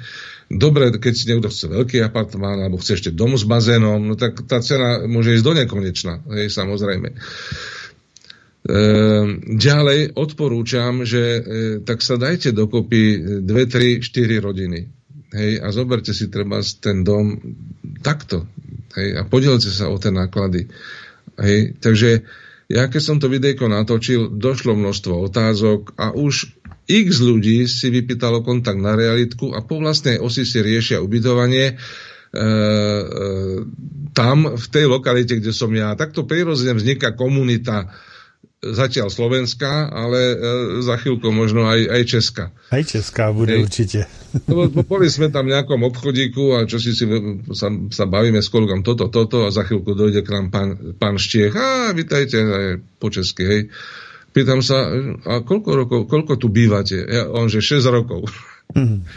a vy, ja, že my dva týždne. Zatiaľ. Hej, zapichol to v Českej republike, žije si na Mavriciu potraviny a ďalšie veci, no tak si odrátajte v priemere 30% z ceny, hej, aké sú v Čechách a na Slovensku. Hej, mm-hmm. potraviny. Ak chcete európske potraviny dovezené z Francúzska, vám nestačí maslo vyrobené na Mavriciu, ale chcete mať maslo z Francúzska, no tak e, stále lacnejšie ako na Slovensku, ale ja neviem, možno to stojí 2,5 eur, no u nás už maslo na Slovensku 4 eur. E, tak e, dobre, no. Tak to nie je drahá destinácia. A teraz ale teraz poviem tvrdo a nechcem nikoho uraziť a už vôbec nie toho pána, ktorý volal, lebo mhm. jeho pripomienka bola vecná. Ano. A e, ak si to dobre pamätám, povedal niečo v tom, že no vy máte peniaze, ale čo my, čo nemáme. A e, rozmýšľate vy, že odkiaľ som ja tie peniaze zobral? Či mi len tak spadli z neba, alebo som si nejak počínal. Hej? Ja keď som skončil vysokú školu, mne otec zomrel, keď som mal 18 rokov. A mama bola na invalidnom dôchodku. Ja som sa už na vysokej škole živil sám. Za prvé 450 korún československých sociálne štipendium. Za druhé, prvá brigáda, pomocná sila v kuchyni na internáte, 400 korún za mesiac. Za druhé, upratovačka na internáte, ďalších 400 korún na mesiac. A za tretie chodil som na 8 šichiet nočných do cementárne Lietavská lúčka, kde som celú noc nahadzoval e, na pás e, cement s respirátorom, hej, s takým, ako sa teraz nosia no, vidíš, tenkrát, tenkrát, si, tenkrát si si ho vzal a ty si nechtěl. A mal som viac ako 2000 korún československých ako študent. Hej. Áno, áno. A teraz som skončil vysokú školu, e, to som bol taký príčinlivý, že už keď som končil, už som mal dve deti. Ja. A, a tretie prišlo tesne teda e, po vojne, keď som sa vrátil z vojny. A zamestnal som sa ako projektant vo svojom fachu. Hej. Vtedy bola taká doba, že vysokoškoláci prvých 10-15 rokov zarábali menej ako tá robotnícka trieda. Hej, ja som mal plát nejakých 2900 hrubého, trieda T11. A nestačilo to na to. Žena na materskej, tri deti. Hej, a, tak som si povedal, tak buď budem nadávať, že nás neplatia a, a, a hompaľacie nohy za to rysovacou doskou, lebo projekt som si spravil za týždeň a mal som na to mesiac. Hej. Tak som počúval Slobodnú Európu tam, ako v tej kancelárii. Ehm, no tak som to vyriešil nasledovne. Odišiel som z toho podniku, zamestnal som sa na lesnej správe v Turčianských tepliciach, za dva týždne som si spravil pilčícky kurz v Banskej Štiavnici, čiže stal som sa drevorúbačom po slovensky a išiel som rúbať stromy do lesa na úkol. A zarábal som o 50% viac ako ten inžinier v tých eh, závodoch ťažkého strojárenstva. Tak toto, toto bol môj prístup k životu. A teraz si dovolím povedať, ak je niekto zdravý, psychicky a fyzicky, že nemá fyzický handicap a je treba z 20 rokov na tom pracovnom trhu a stále nemá peniaze, tak je to iba váš problém. To není problém vlády, Fialu, alebo Matoviča, alebo koho. Tak je to problém toho človeka. Nepracuje na sebe, nemení zamestnanie, nechce sa mu vycestovať. Ja som roky pracoval v Bratislave, na týždňovky som chodil, lebo áno, v turčanských tepliciach som nemal zodpovedajúce platené miesto. No tak som chodil do Bratislavy, áno, rodina ma nevidela. Ne? A začal som podnikať, skrachoval som, potom zase niečo iné, zase skrachoval. Ale dneska tí ľudia povedia, no ten si ide do toho Dubaja, ten má peniaze a to my chudáci nemáme. Hmm, Hej, hmm. naučil som sa anglicky, zaplatil som si kurz, požičal som si peniaze a bol som pol roka v Anglicku, lebo v nových, novej dobe, jednoducho, ktorá prišla, ak ste nevedeli aspoň anglicky, tak ste sa nemohli chytiť nikde. Nej, počítače boli v 90. rokoch niečo nové, čo my sme na škole nemali, nevedeli sme. Bolo mi jasné, že kto nevie zdatne ovládať písičko, tak takisto sa nechytá na slušné zamestnanie. Kúpil som si tisíc stranovú knihu o tom, o počítačoch, do šrobika. Tak som sa to naučil, že som si založil filmu Teledigital a začal som skladať a predávať počítače. Mm-hmm. Hoci som nevedel predtým, kde je, čo, na čo je klávesa Enter a Escape. Za rok som sa to naučil. Hej, takže pracujme na sebe a potom jednoducho tie peniaze prídu. Mm-hmm. Ale no... ne, nezabudnime na to, že keď stretneme človeka, ktorý má problém zdravotný aj iný, tak ho jednoducho zasponzorujme, obdarujme, hej, tak buďme štedri.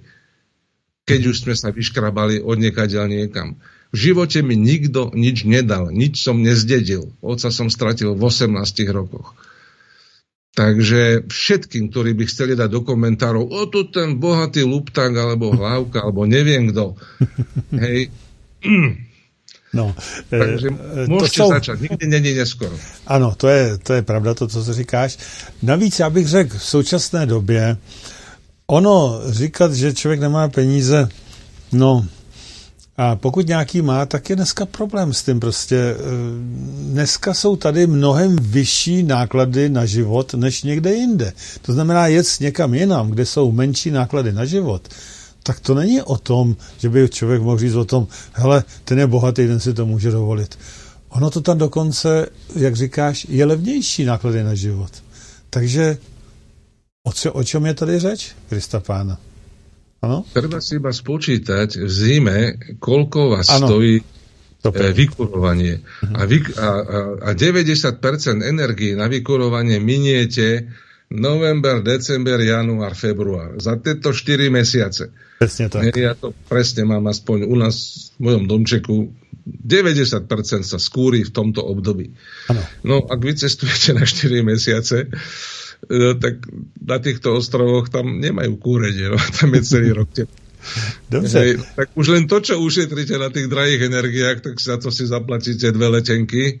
Ano. Jedna letenka spiatočná v ekonomickej triede okolo 900 eur. Ano. To na Koukal jsem na to, je to zhruba kolem... Dovolím si povedať, že to není veľa. Kolem 22 tisíc, ano, na osobu. No, jak jsem tak koukal teď. Ano, a je, je to možné.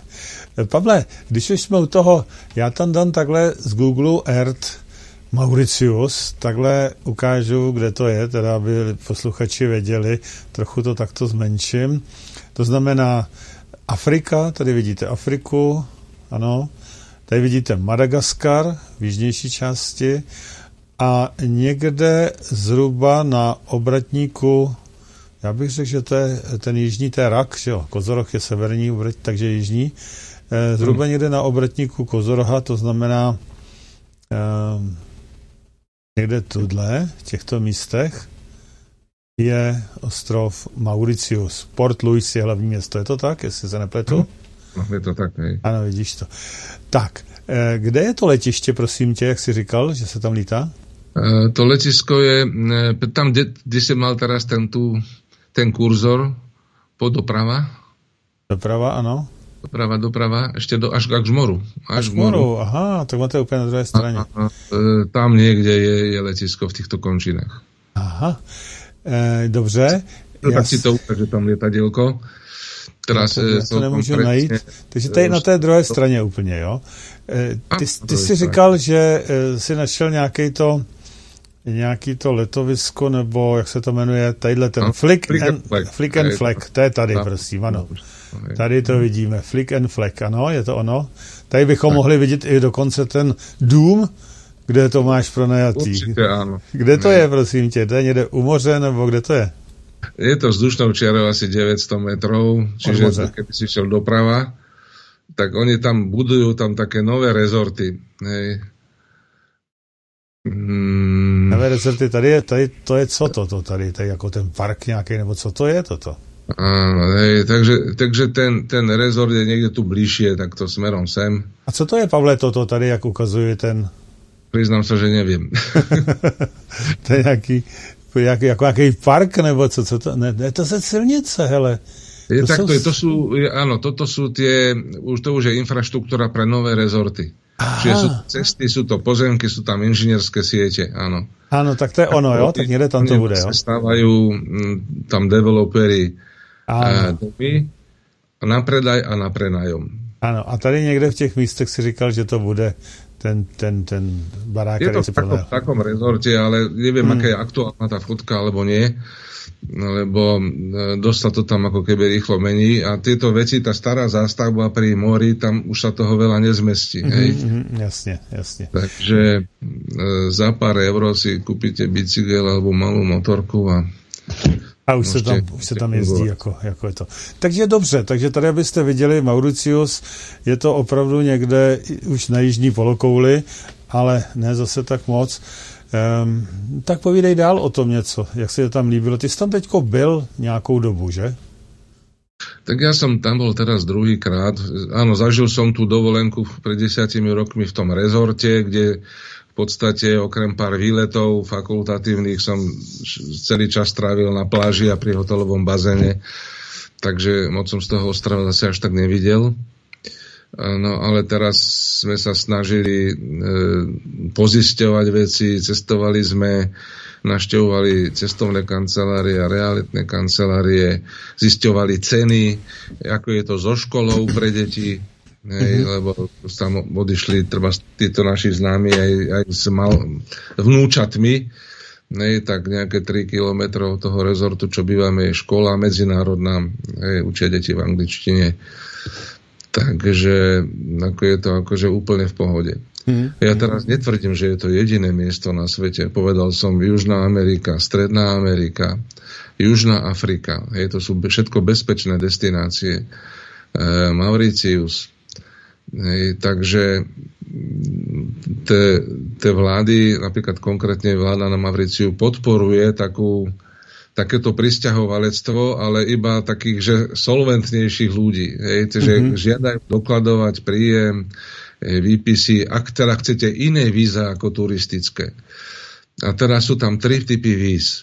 Za prvé sú turistické.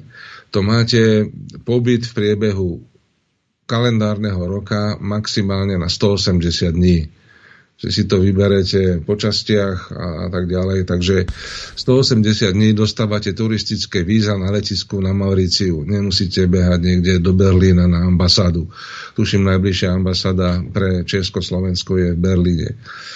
na, na, na toto, hej, na Mauricius. Takže tam s tým ako není problém turistické víza. Ďalej sú jednoročné víza opakovateľné. Oni ich volajú, že premium víza. A tuto tiež nie je ťažké ich dostať, ale e, musíte dokladovať príjem nejaký, že teda nie ste, neviem čo, bez príjmu, čiže výpis účtu na 3 mesiace, e, potvrdenie o, zamestnaní alebo o podnikaní. Čiže od, ak ste zamestnanec, tak od zamestnávateľa, že robíte tam a tam a dostávate mesačne toľko a toľko. Hej. Na tieto premium víza nemôžete pracovať na Mauriciu.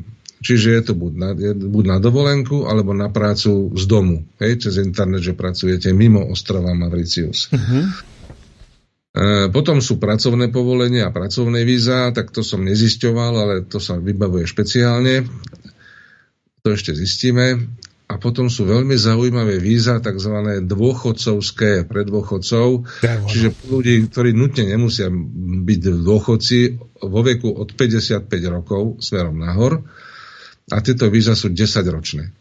Krásne. A tu už to, treba toho trošičku viacej doložiť, aby vám teda Mauricius udelil štatút, že taký, a dostanete aj taký občianský preukaz, aj, takú kartičku, že ste ako keby rezident a môžete tam sa pohybovať ako chcete.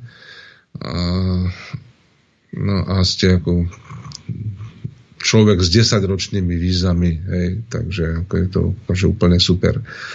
Na tieto prémiové víza, teda na tie e, turistické nepotrebujete nič, akorát platný pas. Na tie prémiové potrebujete teda potvrdenie o tom príjme, tri výpisy z účtu, čo tam ešte je, letenku, že máte nejakú otvorenú alebo už zabukované spiatočný let a doklad o poistení zdravotnom, hej, že ste teda poistení pre prípad neviem čo. Uh-huh. Takže... No tam platí to pojištění u nich tam, jako to, co si platíme tady? Teraz, teraz nemyslím, e, to, to, toto poistenie neplatí, cestovné poistenie, ja, hej, pre áno, svet áno, malo byť. Mm-hmm. Hej. A viem, že vyžadovali tam ešte tak, takú doložku, aby vám to tá poisťovňa potvrdila, že toto vaše poistenie platí aj pre liečebné náklady na COVID-19. Hej, aby to tam bolo špecifikované. Mm-hmm. Tak ja mám poistenie ku platobnej karte, no, tak som si iba vypýtal, nech mi pošlu takú v angličtine tej doložku o tom poistení a nech tam dopíšu, že to platí aj pre COVID-19. Tak toto oni, oni vyžadujú. Tak takéto jednoduché doklady sú na tej jednoročnej víza. Ak vám nestačí tam byť 180 dní na turistické víza. Mm, na to není treba teda vôbec nic na turistické. víza platia aj pre vašu rodinu. Čiže mm. pre vašu manželku, ktorá obyčajne býva mladšia, aj pre vaše deti. Takže No a teraz ten plán B to je presne toto, že ak sa nič zlého nestane, tak máme fakt lacnú dovolenkovú destináciu a môžeme tam tie zimy tráviť, tak ako sme niekedy závideli, aspoň ja, nemeckým dôchodcom. Keď som bol prvý raz ako keby v nejakej exotike, vyhral som zajazd z firmu, kde som pracoval ako pracovitý človek na Kanárske ostrovy asi pred 16 rokmi. Mm-hmm. Prvý raz som zažil dovolenku all inclusive. Hej, čo vypijete a zjete, môžete, hej, tak som sa dobre tam obiedol. A bolo mi také divné, že v tom hoteli na tých Kanároch, že tam sú sami Nemci a takí postarší. Hej, bolo to pred tými 15-16 rokmi.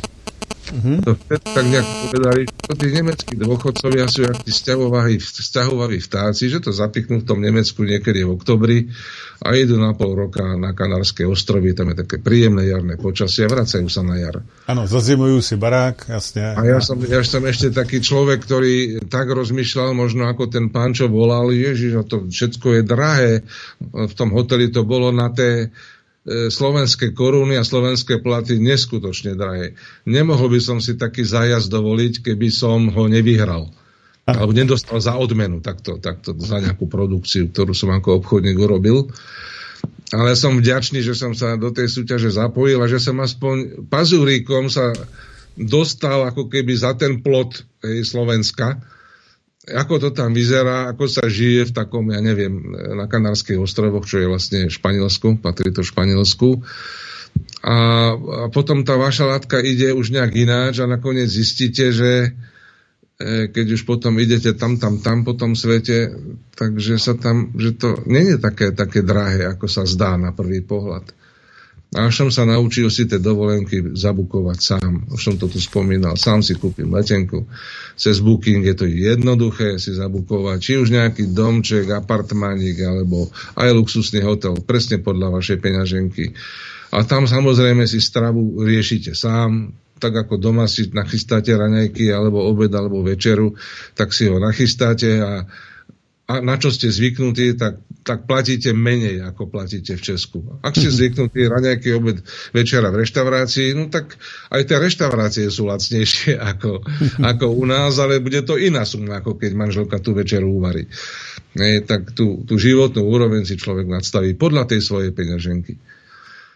Takže nič také hrozného. Ale teraz pre tých starších ľudí poviem, že Uh, ja mám 63 rokov a keď sa pozriem na tých uh, našich rovesníkov, alebo aj mladších odo mňa, tak veľa z nich už tak krivka. Hej, a tu klb ma boli a tu mi menili koleno.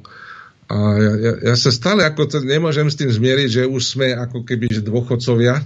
Áno. Tam sa po nich a pokrivkávajú. A, a už aj niektorí zomreli z tých mojich spolužiakov zo základnej školy. A E, počítal som nejakú, nejaké interviu s jednou slovenskou herečkou, s veľmi starou pani a ona, ona 20 alebo 30 rokov jednoducho chodí na 3 týždne do kúpelov. Každý rok do kúpelov a 3 týždne.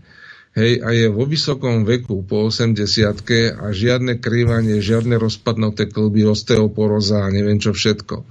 Je to dôležité, aby to, sme tomu telu dopriali ten oddych v kuse aspoň 3 týždne. A teraz, keď ste na dovolenke pri mori, hej, a to musí byť teplé more, Indické oceáne, teplé more, nech studené, chorvátske, a tak tam jednoducho sa môžete čmáchať 2-3 hodiny v kuse za ten deň v tej vode. Uvoľní sa vám to telo, roztiahnú sa tie stavce, vyživia sa, hej, minerály prejdú do toho tela. Za týždeň pri mori sa nestane nič. Hej, to telo sa zbaví stresu a keď takto začnú ľudia aspoň v tom strednom veku pravidelne si dajú to aspoň trojtýždňovú dovolenku, tak sa vyhnú s veľkou pravdepodobnosťou, keď budú mať 60, 65, 70 a viac, tomu, že budú chodiť o paličkách. Hmm. Hej, to telo sa im poďakuje. A teraz, keď si tieto benefity prirátate, ak ste 40 a možno sa vám zdá, že nemáte peniaze, ktoré získate na staro, že budete chodiť bez bolesti, čož je aj môj prípad, hej, aj keď mám možno nejakú obezitu a takéto veci, ale ako klby mám úplne v poriadku, nemusím krývať a, a neviem čo, tak e, to sa akože nedá celkom ani vyčísliť peniazmi. Hej, že skrátka dopriať si sám sebe. A potom prídu možno aj nápady na to, ako zarobíte peniaze. To sú už také zákony vesmíru, že ak chcem mať peniaze, tak ich aj musím vedieť vydať. Aj musím zasponzorovať niekomu niečo či už dám v kostole do zvončeka, alebo niekomu prispejem, keď má sused chorú dceru na rakovinu, tak dobre, aj, aj my s manželkou sme jej dali 20 tisíc na liečbu, ešte slovenských korún. A ešte v tom čase to bolo pre mňa veľký peniaz, ale keď som videl 17-ročné dievča s ťažkou rakovinou a, a, a obratili sa na nás, no tak sme im dali skoro všetky peniaze, čo sme mali. Hej, lebo som si povedal, čo keby sa to stalo mojim deťom, ako bolo nám to ľúto. Isté nedopadlo to nakoniec dobre a to, to dievča zomrelo do roka, ale, ale ten vesmír vám to niekde vráti, či už v tomto alebo v budúcom živote. Ak to nebudeme robiť s tým, že áno, dám, aby sa mi to vrátilo, tak to potom takto nefunguje. Ja tu nechcem moralizovať, ale, ale fakt, nesťažujme sa, že, že nemáme, keď sme všetci zdraví a a môžeme pracovať. Hej. Poznám x ľudí, ktorí stále nemajú peniaze, ale 150 eur prefajčí ten človek za mesiac. Ale ja nemám peniaze na nič. No tak krát 12 mesiacov, tak to je koľko tisíc eur? Hmm, hmm, Hej, do roka a tak ďalej. No. Hmm, hmm, hmm. Jasně, rozumím tomu. Hele, Pavle, ty o tom mluvíš velmi hezky. Ano, a mně tak připadá, že jak jsi říkal, že tam jezdíš, uh, už tam jako po druhý, ty tam pojedeš po třetí, že tam jezdíš, že tam zjišťuješ všelijaké eh, věci kolem toho. Ne, nebuduješ ty tam snad nějakou takovou československou komunitu, aby tam jako byla nebo něco? Nechystáš něco takového? Áno, eh, budujem, ale nie, že cieľene. Ak som video, tak teraz tí ľudia sa hlásia a berú tie kontakty a je to na nich a tak to verím tomu, že tam prirodzene vznikne tá komunita, pretože Uh, veľa ľudí má ten problém, že keby si to malo samohľadať, uh, tak je to problém. Tak, tak sa boja. Ale keď už tam niekoho majú, ako ja som tam niekoho mal, tak zistíte, že je to jednoduché, dajú vám to lano, tú pomocnú ruku a už potom to ide. Áno, to sa môže předat dalšímu, že jo, to je jasné. Je tu jedna podmienka, e, tá angličtina by mala byť na takej úrovni, aby ste sa aspoň trochu dohovorili. Hmm. Stačí taká špagety angličtina. Hej, nemusí to byť zrovna E, druhý cambridgeský certifikát. No a ak náhodou nemáte takú angličtinu alebo francúzštinu, no dobrá správa, ako keď sa, ak mám tú hlavu zdravú a mám aj, aj dôchodkový vek, tak, to, tak sa do toho zahryznete dve hodinky denne, e, tak sa to dá zvládnuť za pol roka na takú bežnú hovorovú angličtinu, že sa dohovoríte s realitákom v obchode a, a tak ďalej. Mm-hmm, mm-hmm. No tak eh, nejlepší asi opravdu je takzvaný, když, když člověka hodí, jak se říká, do vody, tak on se naučí plavat, to znamená, nejlepší je na místě, je to těžké, ale je to nejlepší už potom, ne? Asi to se člověk nejlíp naučí, když se tam někde ocitne a musí to používat, musí nějakým způsobem se dohovorit, tak s nějakou pomocí, já si myslím, že by to šlo. Nebo ne? Pokud by tam byla nějaká taková ta trošku komunita česká. musí byť motivácia. Ja, ja to viem, ja som sa za bývalého režimu chcel naučiť nejak trošku anglicky. Bola iba angličtina pre samoukou. No, mali sme na vysokej škole hodinu do týždňa angličtinu. Tiež sa bralo to z angličtiny pre samoukou. Vždycky som sa dostal iba po 11 lekciu. Potom mi zhasla motivácia. Mhm. No, ale tak myslel som si, že ako však nejaké tie slovíčka viem a tá výslovnosť takú, takú tú pred, predpisovú, čo sa tam píše, že asi ako sa to vysvetľuje, lebo nemal som ani kazetu k tej angličtine. No a keď som prvý raz vycestoval do Anglicka, nejak zobral som si taxika chcel som ísť do, do niekam a ten taxikár mi nerozumel, hoci som mal tie večičky sa tak naučil, že čo poviem. I'd like to go to a, a hej, oni, oni majú úplne inú výslovnosť, ako Áno. sme si mysleli, že majú. Preto s Angličanom je veľmi ťažko sa dohovoriť, ale áno. skôr sa dohovoríte s Čechem, ktorý mluví anglicky. Špagety angličtinu. Áno, áno, presne tak. že nejaká tá výslovnosť je taká, nám, nám taká pri, priateľnejšia. Hej. Mm-hmm. Dobre, takže to jsem chtěl vědět. No, tak teď jsme se dostali k tomu, že ten Mauritius, jak jsem tak ukazoval už na té mapě, je fakt velice výhodně položen a hlavně daleko, daleko, daleko, daleko od Evropy. Ehm, proč je to tak výhodný, Pavle? Asi tady je, eh, vlastně ta otázka je jasná v celku, proč někam kousek dál od Evropy, protože tady se dějou ehm, samozřejmě velmi špatné věci a nevypadá to moc dobře, že zkusíme nestrašit, ale zkus to nastínit, co se asi tak podle tebe děje a proč je lepší být tak daleko od Evropy? Tak sa zase vraciame k tej politike. No, trochu. Tak ako, ako som spomínal, že, že tuto není teraz boj o to, že e, Rusi napadli Ukrajinu a Ukrajinci sa bránia, alebo neviem čo. E, Spojené štáty americké e, už dávno cez ich e, mimovládnu organizáciu, volá sa Rand Corporation, e, nechali si vypracovať plán, ako oslabiť Ruskú federáciu. A ten plán je oficiálny dokument a je v, kong- je v knižnici Kongresu Spojených štátov amerických.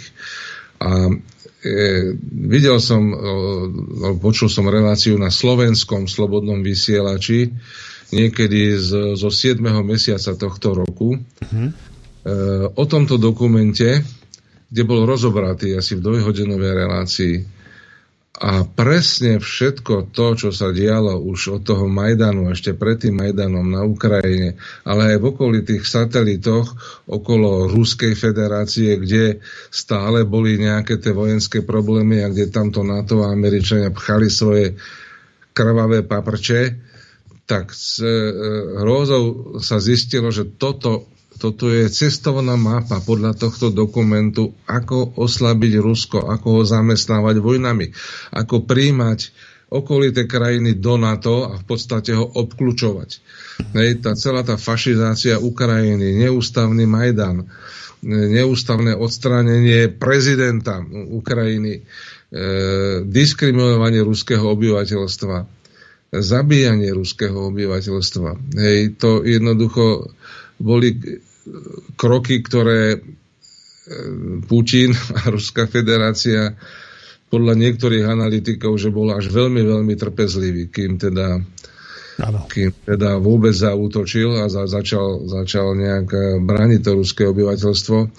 Ja nie som vojenský analytik, môžem iba tlmočiť teraz e, treba z pána Kolera alebo ďalších, ktorí povedali, že bolo to tak neskoro preto, lebo jednoducho nebol ešte, nebola Ruská federácia tak vojensky pripravená, aká je teraz. Čiže od toho Majdanu obidve strany, aj Ukrajina, aj Ruská federácia sa tvrdo pripravovali na, na vojnu. To je presne ako keď skončila prvá svetová vojna, nevysporiadali sa problémy sveta a celý ten čas bola iba príprava medzi vojnami na druhú svetovú vojnu. A teraz, keďže tu nejde o to, teraz na pozadí tohto konfliktu tu beží odpájanie sa e, dvoch tretín obyvateľstva sveta od amerického dolára. Vytvára sa nová rezervná mena krytá zlatom, hej, je to Čína, e, Ehm, to sú to krajiny BRICS, Brazília, Rusko, Čídia, Čína, India, Južná Afrika. Teraz sa pridávajú ďalšie krajiny. Saudská Arábia vypovedáva poslušnosť Londýnu a Spojeným štátom americkým. A teraz, ak sa podarí zhodiť dolar z piedestálu hlavnej svetovej rezervnej meny pre Spojené štáty, to znamená okamžitý bankrot a občianskú vojnu. Čiže Spojené štáty na čele toho kolektívneho západu sa bojujú o vlastné prežitie. O, o, o zachovanie tej liberálnej demokracie, bojujú o zachovanie plánu na jednotnú svetovú vládu. Hej, takže o toto sa tu v podstate hrá a žiadna z týchto krajín nehodla ustúpiť, že teda Ukrajina ustúpi a dobre povie, že tak nech si nechá Putin Krím alebo Ruská federácia, nech si nechajú tie dve republiky alebo tri, ktoré jednoducho tam e, uznali ich nezávislosť. E, ani Putin neustúpi, že by teda ako prestal neviem čo. Hej. Takže e, v priamom prenose e, s rýchlujúcim sa dejom sa teraz toto začína meniť na jedno veľké boisko na tretiu svetovú vojnu. Je jasné, že Spojené štáty ani západná Európa, oni nechcú, aby lietali jak nejaké jadrové rakety na Washington alebo na Paríž a tak ďalej, ale celé si to pripravili tak, že túto obmedzenú svetovú vojnu alebo obmedzenú vojnu medzi Ruskou federáciou a kolektívnym západom zrealizujú na území slovanských štátov. Hmm. Čiže aj na našich územiach tak by sme šli moc do histórie, ale jednoducho oni nás historicky nemajú radi, podceňujú nás, berú nás za nejakú menej cenú rasu. Nikdy v histórii nám nejak nepomohli, skôr naopak. Nemusíme sa vrácať z Michovskej zrade a, a k ďalším veciam. Takže m, urobili si z nás odbytisko lacných e, no, svojich, svojich nejakých nekvalitných tovarov a m, mon- montážnu dielňu. No a teraz si poviem, že keď tu bude obmedzená jadrová vojna, a čo? Čo sa stane? Hej, rozbije sa tu zase čas Európy, Európa zbankrotuje, prerozdelíme si trhy a za si zase kúpime skrachované európske podniky. Toto bude po tej možnej, možnej veľkej vojne. Preto zapredaní európsky politici, vrátane českých a slovenských, sú ovládaní, riadení americkým tieňovým štátom, tzv. deep stateom. O tomto bežný Američan nemá tušenie. My, čo pozeráme alternatívu a trošku sa venujeme tej politike nejakých 30 rokov, tak už vieme, ako to vo svete funguje. Už rozumiem tomu, prečo keď mi pred 32 rokmi jeden zahraničný Slovak, keď som vstupoval do politiky, ako mladý 30-ročný muž povedal Pavol, ak nepo, potrebuješ tri veci, aby si úspel. Naučiť sa dobré angličtinu, ovládať počítač a musíš poznať slobodomárske chodničky. Mm-hmm, som pochopil tú angličtinu a ten počítač, že to je jasné, nie, lebo som chcel byť e, nádejný politik, ma to zrušovalo, že super, budeme meniť mm-hmm. svet ale tie slobodomorárske chodničky som veľmi nepochopil, že čo tým myslel. Áno. A to je tá politika, ktorá je skutočná, to, je, to sú tí loutkovodiči. Hej. A tam bežný človek bez vedomosti a bez skúsenosti nedovidí. A iba si myslí, že tá politika, tá história je to, čo sa dozvieme z mainstreamových médií a televízií. Nie, to, to je len divadlo. Musíme nazrieť za tú oponu, aby sme to pochopili, Fakt musíme sa veľa naučiť a, a počúvať aj znamenia časov. A znamenie časov nám teraz hovorí, sme v obrovskom riziku vypuknutia jadrovej vojny na našom území, alebo minimálne, že sem doletí nejaký radioaktívny mrak. Tá vojna môže vzniknúť náhle, nejakou provokáciou nejakej špinavej bomby, ktorú robia Američania, Ukrajinci, to je jedno. Hodí sa to všetko na Rusko a teraz bude zámienka. A tak Putin nám tu hodil nejakú špinavú bombu a teraz poďme na neho. Hej, toto sa môže stať z minúty na minútu. Áno. Modlíme sa, aby sa to nestalo. Toto není film. Toto není film, ktorý vidíme v televízii. Toto je realita. Tie mraky sa stiahujú a ja e, nie, že vyzývam, nabádam každého poslucháča tejto relácie, aby sa zamyslel ešte raz v kľude sám a snažil sa dostať takému vnútornému hlasu, či mu náhodou nehovorí, ak sa dá, skúsme si pripraviť plán B. Nemusí to byť ostrov Mauricius. Možno, ja neviem, možno Grécko, alebo niečo niekde, niekde tak aspoň trošku ďalej, aby som vedel, kam sa pohnem keď by to začalo. A nechcel som len pasívne čakať a počítať na Geigerovom počítači e, mikrorengeny, ktoré dostávam do tela a koľko ešte môžem vydržať, kým zomrem. Hej, takže, takže asi tak. Mm-hmm. Takže na závěr, co k tomu říci? Jak je to teda s tím Mauriciem? E, chystáš tam teda pro toho, kdo má zájem e, nějakou, ale samozřejmě musí to být jenom asi vážní zájemci, ne, který nějakou takovou, takový zázemí, aby se tam mohli dostat víc lidí. Je možný tam ještě něco, až teďko přijedeš, zařídit, zjistit, jaké ty možnosti by byly, Pavle? E, takto, v zásade to, čo môžu ľudia spraviť teraz, ešte nemusia byť rozhodnutí ani teraz, ani za týždeň, ani za mesiac, že už, hej, ale keď im to trošičku v hlave šrotí, musia si spraviť jednu vec. Alebo dve veci. Ak som ženatý, tak musíme mať overený sobášny list, preložený do angličtiny aj s tzv. s apostilom. To je tá vyššia forma overenia týchto vecí. Mm-hmm. Na Slovensku toto stojí 15 eur. To sa dělá kde ten apostil? Overený, overený lo, rodný list apostilom preložený do angličtiny.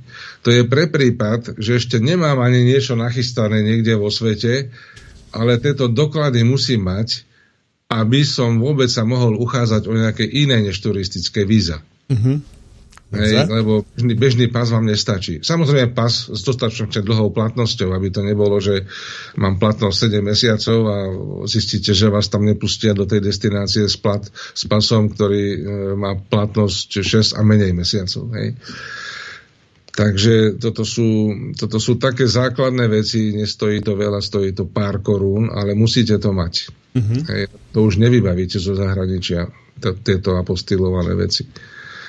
No a potom, samozrejme, ja som ochotný aj s, s priateľmi poskytnúť kontakt na tie realitné kancelárie alebo nejaké také prvotné informácie o cestovaní na ostrove a, a takéto veci, tak, tak to áno. Mm-hmm. Tak dostal som ja zadarmo a tie informácie, tak prečo by som ich zadarmo nedal ďalej? Áno, áno. Navíc je to um, blahodárná záležitost, nebo jak to říci, ano. Určitě. No dobře, Pavle, tak to je, to je taková malá pozvánka, dalo by se říci, nebo tip, kam tady odsud vypadnou, dokud je čas. A tím bychom asi mohli dnešní pořad ukončit, protože e, máme 23 hodin, dvě hodiny utekly jako voda, Pavle, jenom se tak povídalo, lekce, věd. A máme to za sebou. Ty si ani neusnul, ku podivu, je to dobrý. Jsi říkal, že máš problémy už teď trošičku večer e, jako být pozorný a podobně. Koncentrovaný. A Koncentrovaný. A v živom vysielaní, ako v 11. večer, ako nie je to celkom jednoduché. Ještě se zeptám, ještě se zeptám, jaké tam je časové pásmo na tom Mauriciu? Dve hodiny dopredu, čiže teraz je tu 11 hodín, tam je jedna hodina ráno. Mm. Pardon, polnoc. Nie, jedna hodina ráno. Jedna, jedna hodina ráno, áno, přesně tak. Teď je, teď je letní čas, jo, tak ono to, tam se taky mění zimní letní čas, nebo ne? Tam asi ne. Viete čo, asi nie, ale asi neviem ne. to na 100%. takže pak už to bude jenom o hodinu. Hm, hm, hm. Dobře, takže to je skoro stejné časové pásmo, to je docela dobrý. Dobře, no tak jo, takže to je asi všechno, co bychom dnes uh, jako uh, řekli posluchačům, divákům. Já se s váma teda loučím, Pavle, s tebou samozřejmě taky. Uh, ty jsi říkal, že tam brzy pojedeš na ten, na ten Mauritius ještě, že jo? Já nevím, jestli jsi to říkal do vysílání koncem, koncem měsíce, že tam zase pojedeš. Uh, mesiaca. Ešte by som doplnil, ja neodchádzam zo Slovenska. Hej, e, ale chystám tam zase pre moju rodinu, deti, po prípade pre svokrovcov, aby mali kde prísť. Uh-huh, uh-huh, Hej, čiže nechcem, že balím to na Slovensko, odchádzam. Mám tu podnikanie, mám tu kamarátov príbuzných, a vždycky som mal sen, že ako tí nemeckí dôchodcovia, že odletím na 3-4 mesiace cez zimu. Hmm. Tak to berem tak, že odlietam ako vzťahový vták, ale neruším, nepredávam dom, hej, no, hej, Jasne, ne, nepretrhávam korene, nejaké tie väzby, ale určite je lepšie sledovať tú našu politiku európsku blbú, z pohodlia ostrova Mauricius pri bazéne, než tuto v priamom prenose z, hmm. so 16 stupňami v nejakom, nejakom úrade, hej, hmm. v zime. Takže... Tak jo. Dobře. Takže ještě jednou moc děkuji za dnešní pořad, měj se moc krásně a přeju tě šťastnou cestu a já se s váma loučím. Se mnou zase až v pondělí, vážení posluchači, pokud mi budete chtít se, slyšet eh, s Jardou Chvátelem. Takže moc hezký večer, dobrou noc a mějte se moc a moc pěkně. Snad to bude dobré. Ahoj, ahoj, ahoj.